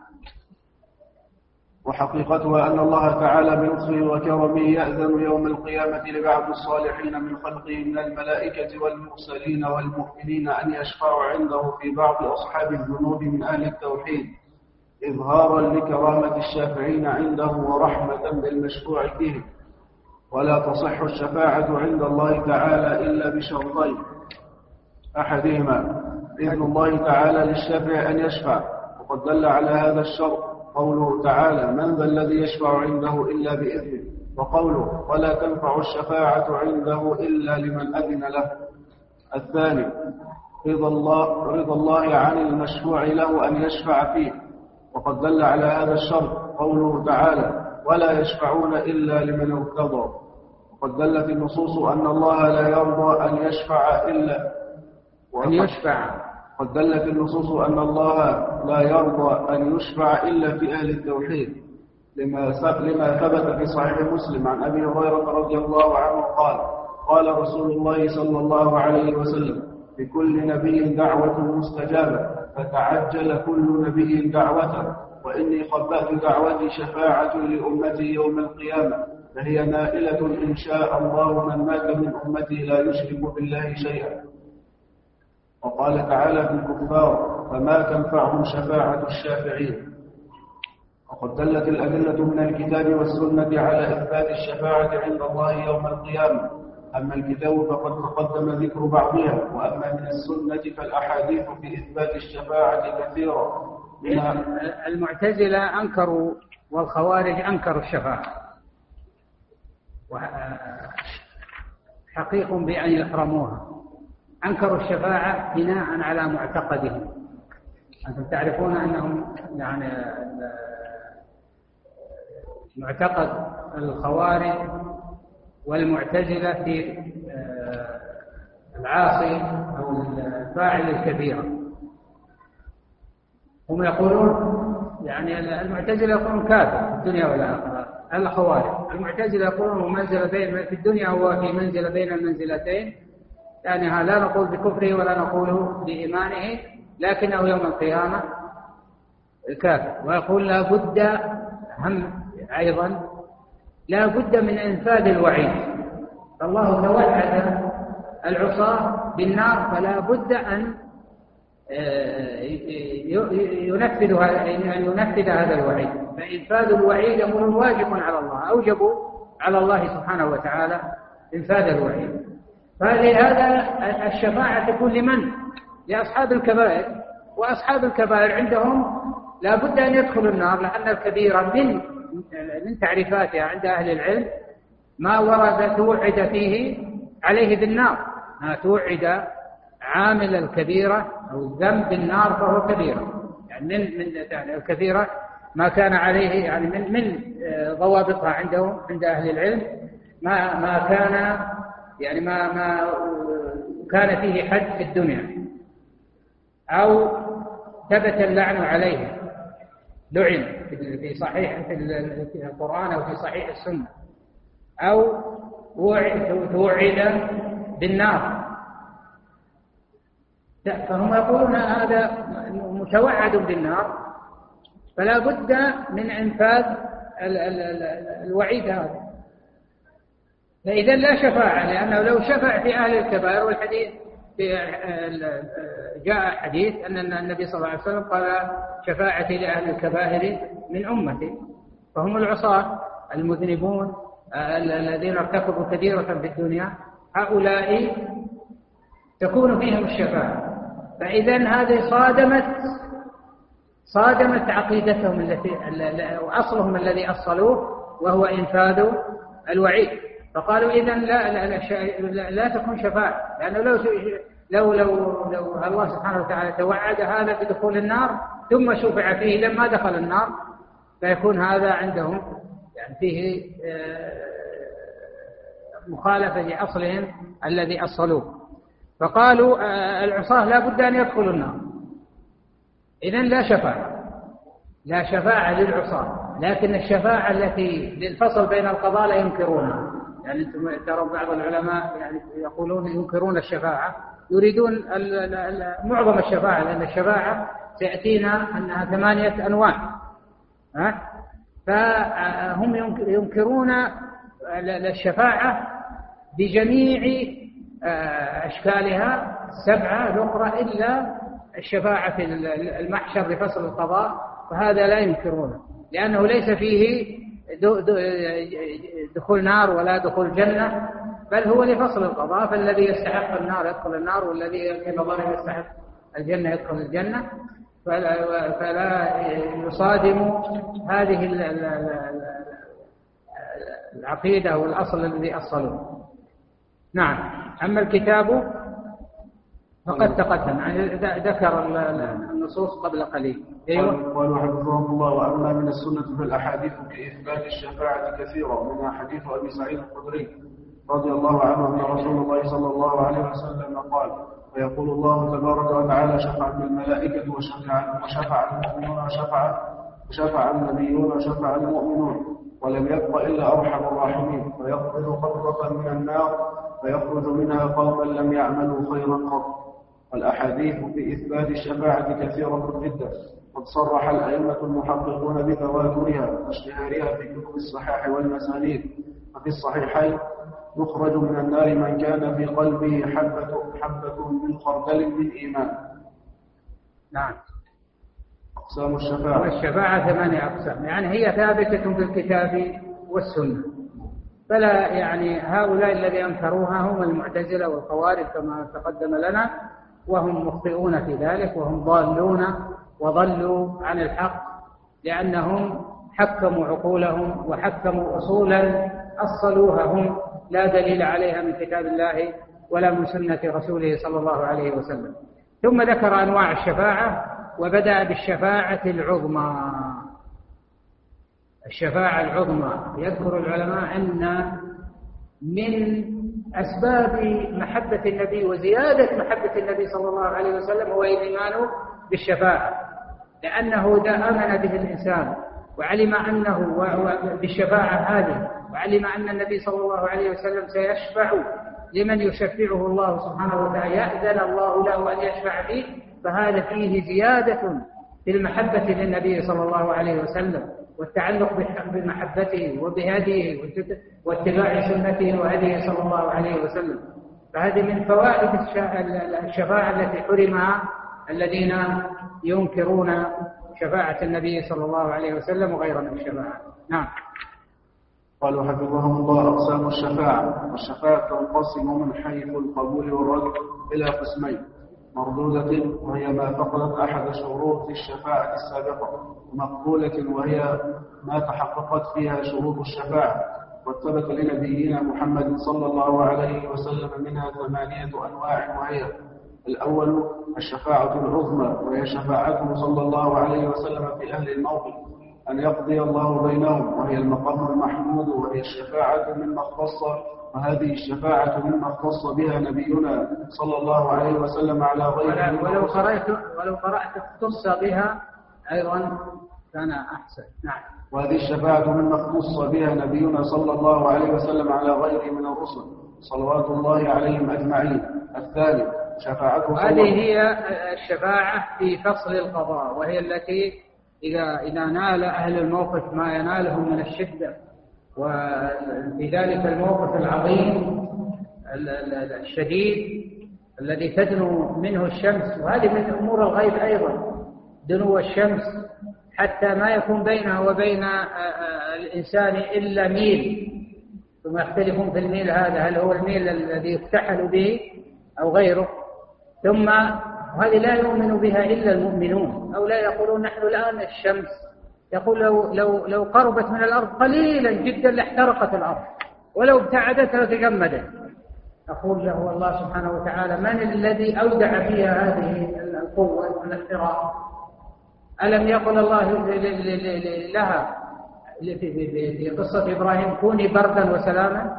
فكانت بردا وسلاما قال أهل العلم لو قال بردا لتجمد لكن بردا وسلاما. فالذي من الذي منعها سلبها هذه الخاصية الإحراق في ذلك الموقف؟ الذي يعني سلبها هذه في الدنيا وهذا مثال في يوم القيامة أيضا سيكون مثل الذي. وهي حرها شديد جدا حتى أن يعرق الناس فيأخذهم العرق بحسب ذنوبهم كما تعلمون حتى أن بعضهم يلجمه العرق إلجاما. يأتي على على كاللجام للفرس عند فمه. نعم. فهذه هي التي هي المقام المحمود وهو ال ال ال ولذلك من سأل المقام المحمود للنبي صلى الله عليه وسلم فإن الله النبي صلى الله عليه وسلم يشفع له إن شاء الله. نعم. ثاني شفاعته صلى الله عليه وسلم في قوم تساوت حسناتهم وسيئاتهم. فيشفع فيهم أن يدخلوا الجنة. الثالث شفاعته في أقوام استحقوا النار ألا يدخلوها. الرابع شفاعته صلى الله عليه وسلم في رفع. شفاعته صلى الله عليه وسلم في رفع درجات أهل الجنة في الجنة. الخامس شفاعته صلى الله عليه وسلم في أقوام أن يدخلوا الجنة بغير حساب. السادس شفاعته صلى الله عليه وسلم في تخفيف العذاب عمن كان يستحقه.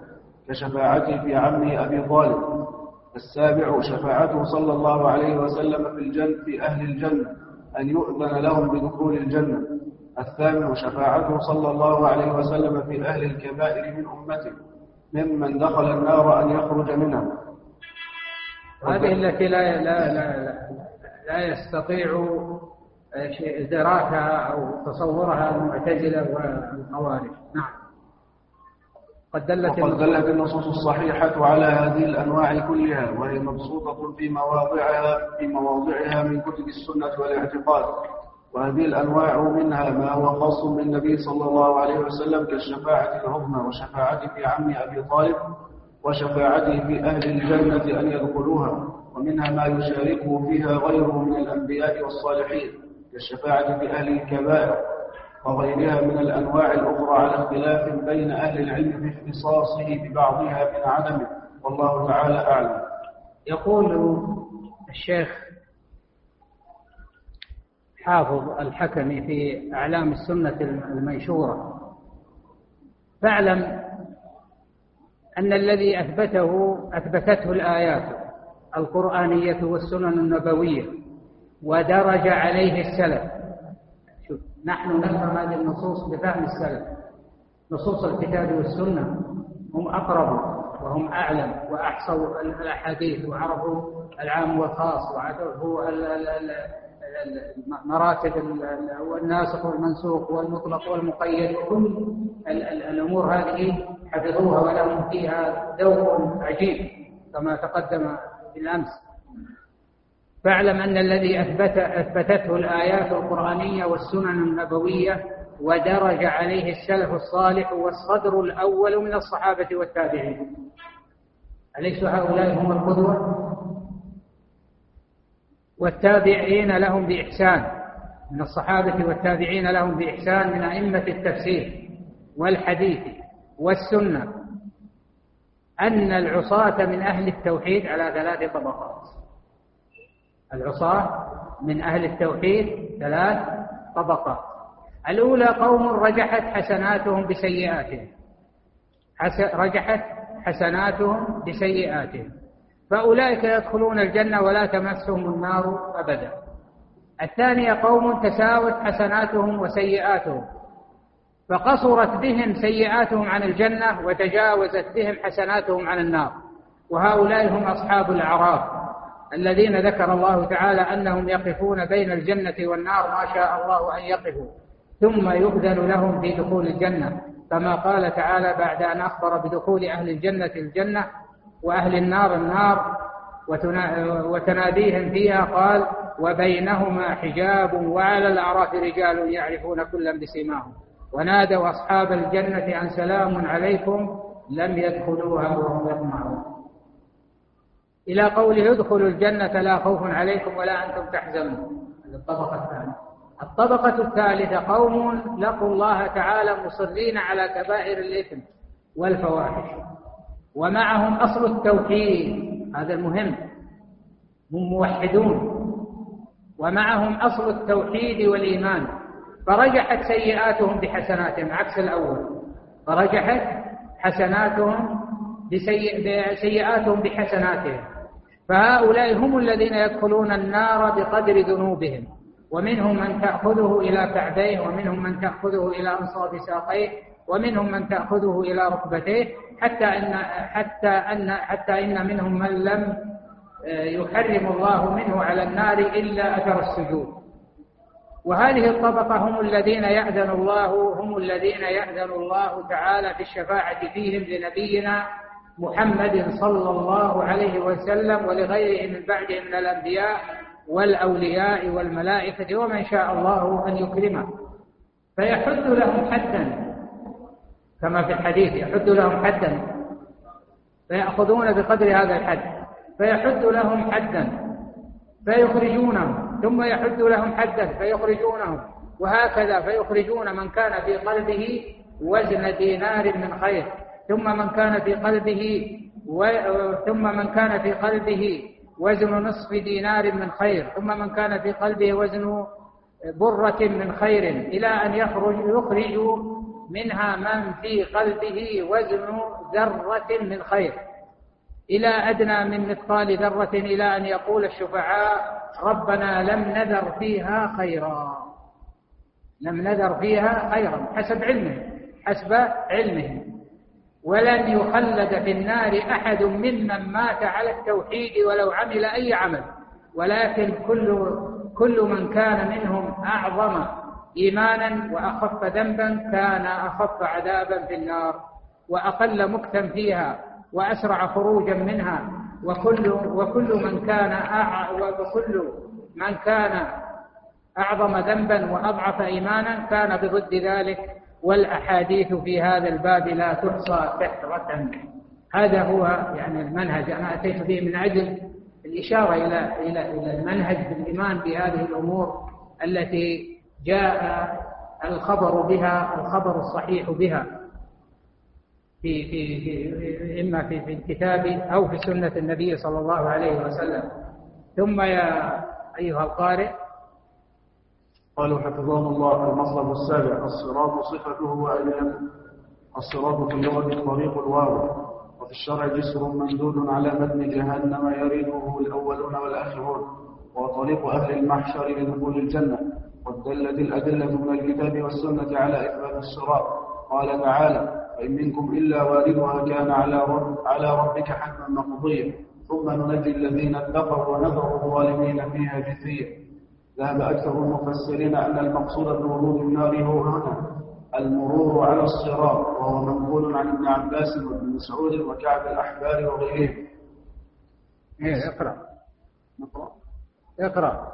وفي الصحيح من من حديث أبي سعيد الخدري رضي الله عنه هو حديث طويل في الرؤية والشفاعة وفيه عن رسول الله صلى الله عليه وسلم أنه قال ثم يؤتى بالجسر فيجعل بين ظهري جهنم. قلنا يا رسول الله وما الجسر؟ قال مضحبة مزلة عليه خطاطيف وكلاليب وحسكة مقلطحة لها شوكة أو طيفاء تكون بنجم يقال لها السعدان المؤمن عليها كالطرف وكالبرق وكالريح كأجاويب الخيل والركاب. فناج مسلم وناج مخدوش ومكدوس ومكدوس في نار جهنم يمر آخرهم يسحب سحبا يسحب يمر آخرهم يسحب سحبا على كل هذا هو الصراط يعني على على متن جهنم على حافتي على طرفيها. ومنه المعبر إلى الجنة. وإن منكم إلا واردها هذا هو الورود المذكور. أما المؤمنون فلا يمسهم منها شيء. هذا الصراط جاء في وصف أنه حد من السيف وأدق من الشعرة وأنه دحض مزلة وأن عليه كلاليب. يعني أشياء خطاطيف تخطف من أمرت به ويلقى في النار وهو في ظلمة. المؤمنون يعني أعمالهم بسبب أعمالهم ينار لهم فيمرون عليه بسلام. ولشدته ولعظم هذا الموقف من مواقف الحساب النبيون على طرفتي على حافتي الصراط. يقولون اللهم سلم سلم. وهو من المواقف العصيبة. لهذه هذا الموقف يعني من نجا منه نجا. وهذه الكلاليب التي شبهها النبي صلى الله عليه وسلم بنبتة تكون في نجد في فيها يعني كالحلق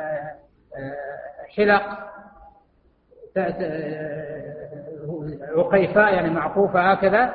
فهذه الخطاطيف تخطف أهل النار وترمي بهم في النار لكنها لا تمس المؤمنين الذين كتب الله لهم السلامة والنجاة والعبور من هذا الصراط إلى إلى إلى الجنة.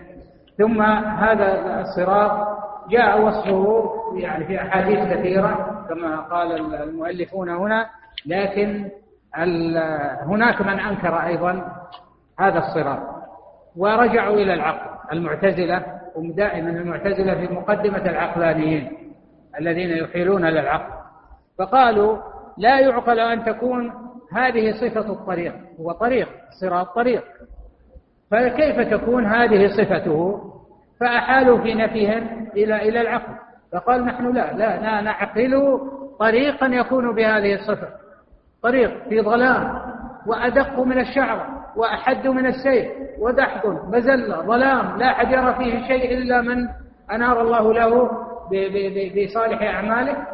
فقالوا لا هذا لا نعقله فلذلك هذا غير معقول ولا نؤمن به.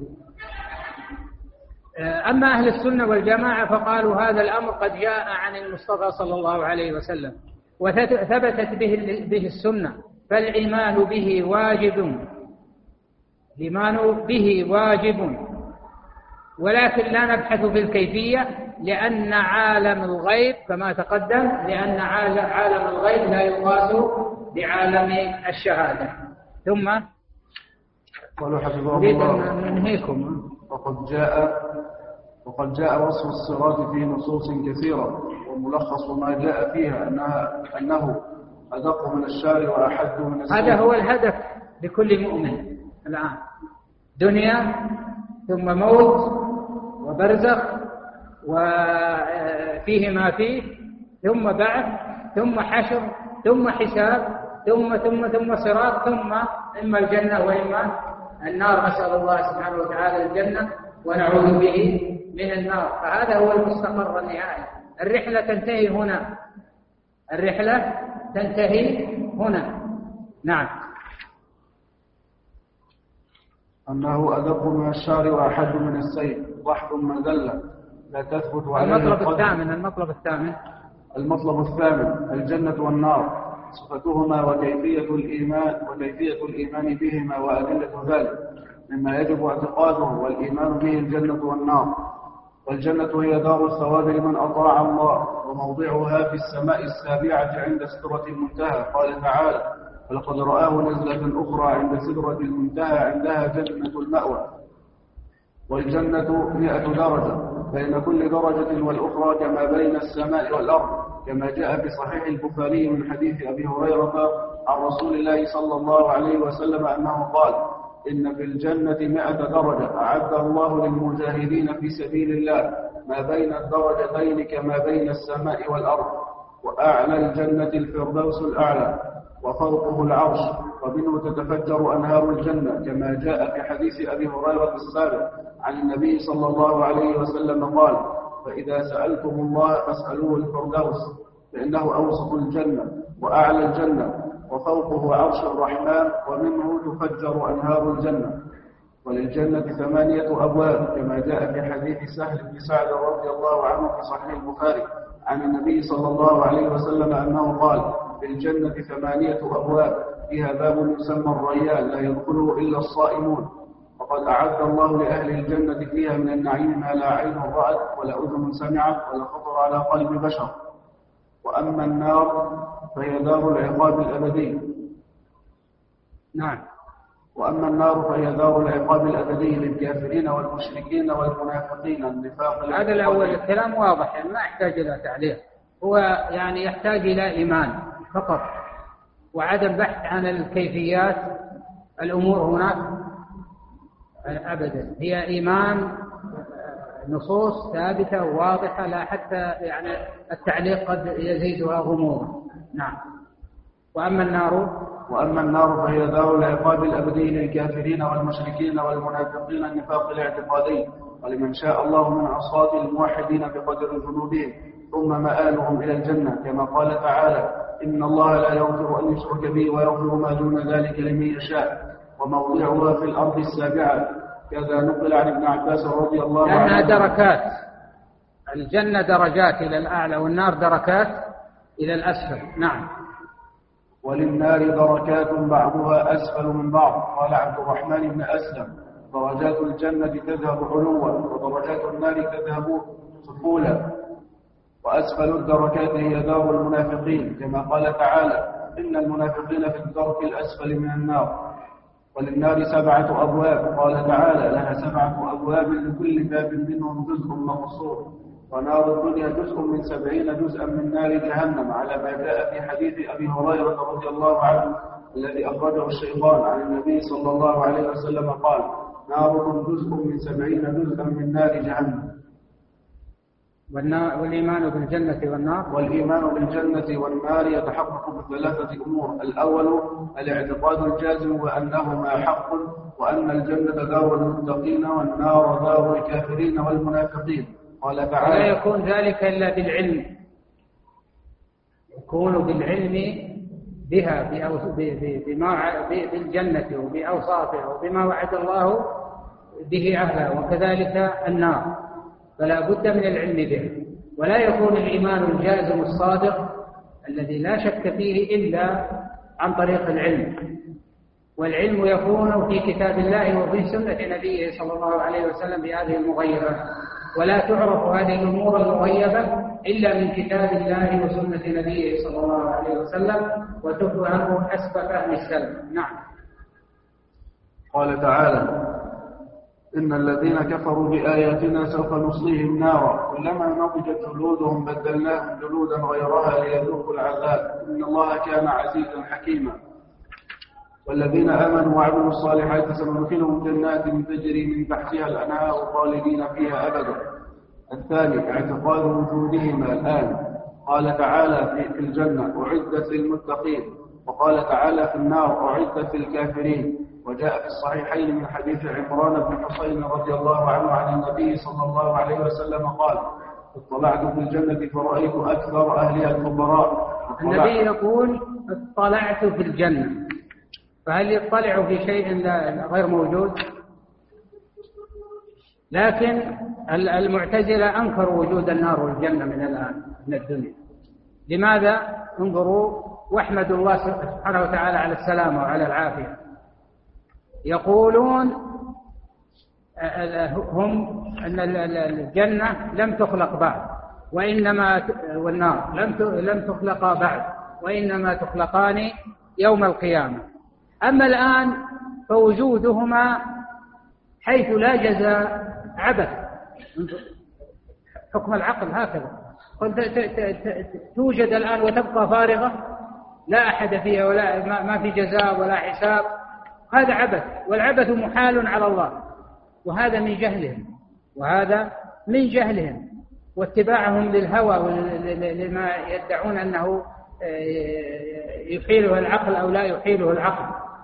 فهنا قالوا لا غير موجود. النبي صلى الله عليه وسلم يقول موجودة وهم يقول لا عقلي, آه، عقلي يقول ليست موجودة. كان يقول كذا. أنت تقول هكذا لكن العقل يقول لا غير موجودة. فهم يقولون محال أن توجد لأنه عبث.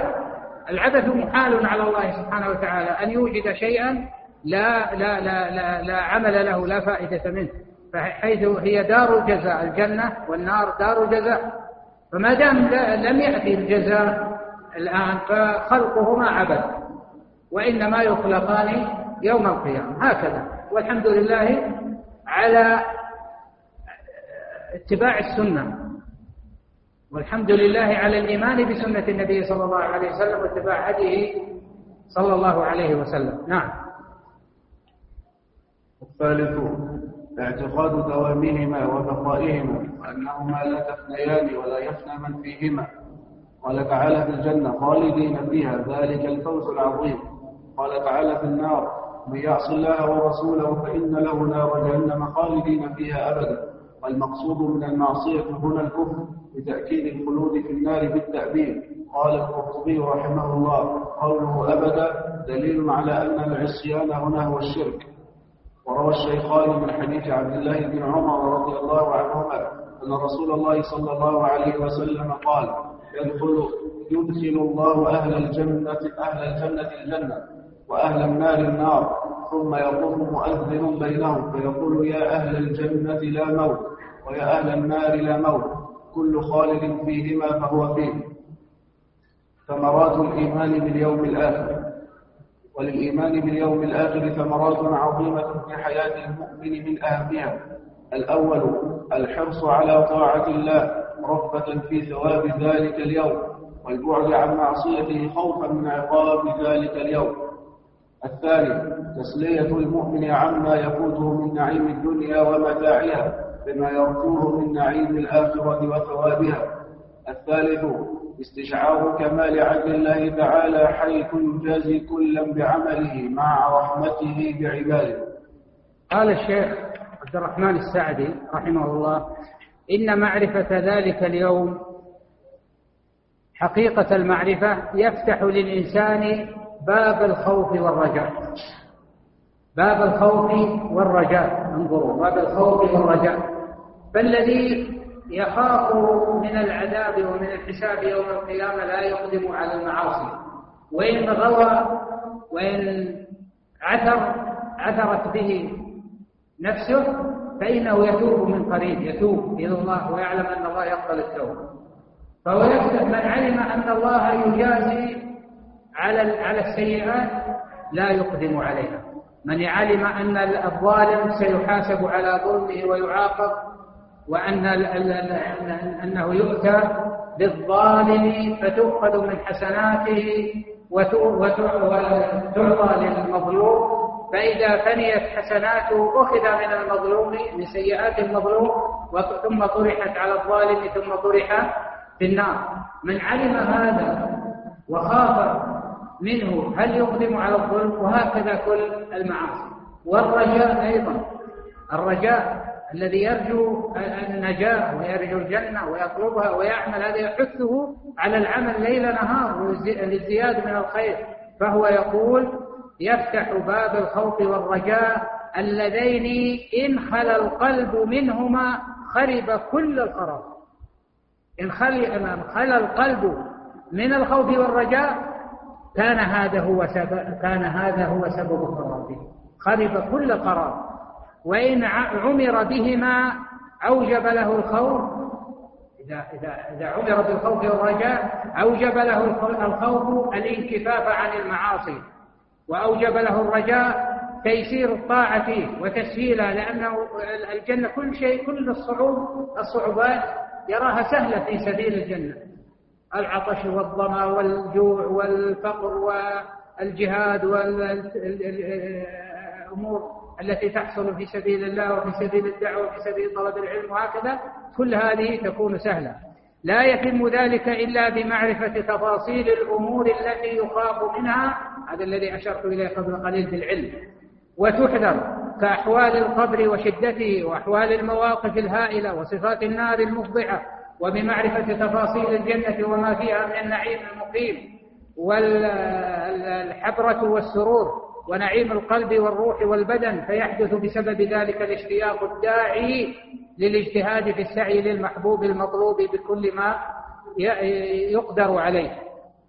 ومنها أن يعرف أن يعرف بذلك فضل الله وعدله في المجازات على الأعمال الصالحة والسيئة الموجب لكمال حمده والثناء عليه بما هو أهله وعلى قدر علم العبد بتفاصيل الثواب والعقاب يعرف بذلك فضل الله وعدله وحكمته.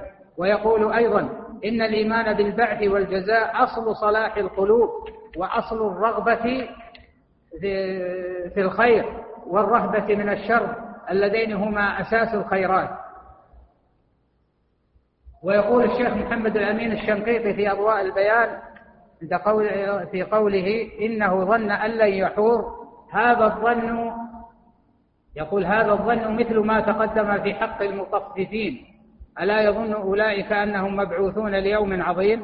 مما يشعر أن عدم الإيمان اسمع أن عدم الإيمان بالبعث أو الشك حتى لو شك فيه أو الشك أو الشك فيه هو الدافع لكل سوء والمضيع لكل هو المضيع لكل خير وأن الإيمان باليوم الآخر هو المنطلق لكل خير والمانع لكل شر والإيمان بالبعث هو منطلق جميع الأعمال الصالحة كما في مستهل المصحف هدى للمتقين. وإن شاء الله يكون هذا ختام طيب. نسأل الله سبحانه وتعالى أن يرزقنا العلم النافع وأن ينفعنا بما يعلمنا وأن يهدينا سبل السلام. وأن يرينا الحق حقا ويرزقنا اتباعه وأن يرينا الباطل باطلا ويرزقنا اجتنابه وأن يوفقنا لاتباع هدي النبي صلى الله عليه وسلم الذي من التزمه نجا. نسأل الله ذلك ونرجوه أن يوفقنا وأن يعيننا فالإنسان بنفسه لا يستطيع أن يعمل شيء حتى الأعمال الصالحة هذه فضل من الله. التوفيق للأعمال الصالحة فضل والشكر عليها آه، نعمة تحتاج إلى شكر. فنسأل الله سبحانه وتعالى أن يوفقنا لكل خير وأن يهدينا سبل السلام وأن يجعلنا ممن يبحث عن هدي النبي صلى الله عليه وسلم ليعمل به ويقتدي بهدي النبي صلى الله عليه وسلم في كل أموره. الحمد لله أولا وآخرا. وصلى الله وسلم على نبينا محمد وعلى آله وصحبه أجمعين. ذكرنا أن لل... لل... لل... تعلق الروح بالجسد لها أنواع من التعلقات. من يتذكر شيئا؟ ها يا طلعت.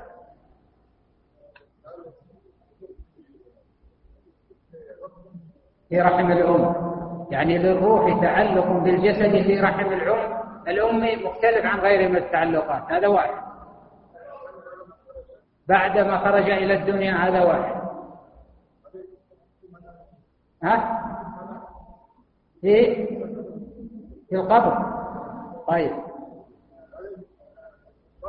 إيه هو هو اللي في القبر هو البرزخ. طيب. في النوم قلت ها؟ أول. إيه. طيب والبرزخ والخامس؟ وهو أكملها.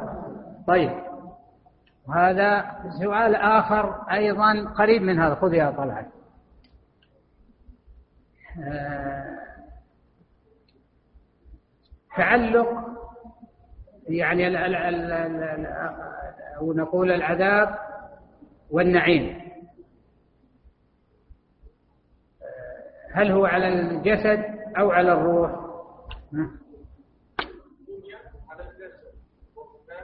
والروح تبعا له.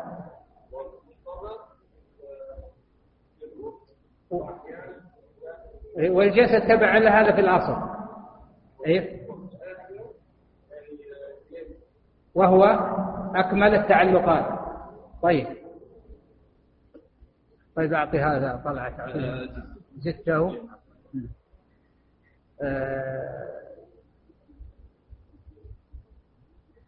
نحن قلنا بأن بعض العقلانيين أنكروا أو, أو من الذين أنكروا الشفاعة؟ ها؟ فقط وحدهم؟ طيب ما حجتهم في هذا الإنكار؟ دعني أسمع. طيب الوقت ضيق. ما حجتهم؟ خذ هذا خذ. ها؟ أيوه ولذلك إذا كان الشفاعة هذه تحول بينهم وبين هذا الأصل. طيب. آه. ها؟ إيه. طيب آه الحوض. الحوض أو الصراط لماذا أنكروه؟ نستعجل أنت. ها؟ خبر أحد هذه في الجميع. ها؟ أنت. أيوة هو يقول لا نتصور طريقا بهذه الصفة. كيف يكون طريق بهذه الصفة؟ نعم. طيب هل الجنة وهذا يعني قريب آخر ما قلنا. الجنة والنار هما مخلوقتان. الآن وإلا تخلقان يوم القيامة. ها أنت ق... أي. أخ... أي. طيب لماذا أنكرها المنكرون؟ إيه وماذا قالوا؟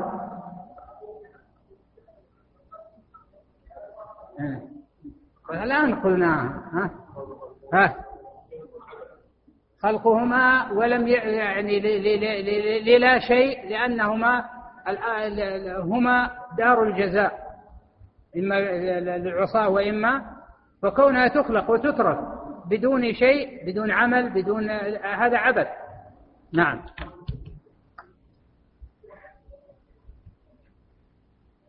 هذا على القراءة. نريد أن نتخلص. ها؟ ولا؟ نحن قلنا آه، في السؤال سؤال القبر عن عن ماذا يسأل؟ ها؟ أيوه ما هي؟ أيوه أيوه ماذا تسمى هذه؟ الأصول الثلاثة طيب نستودعكم الله.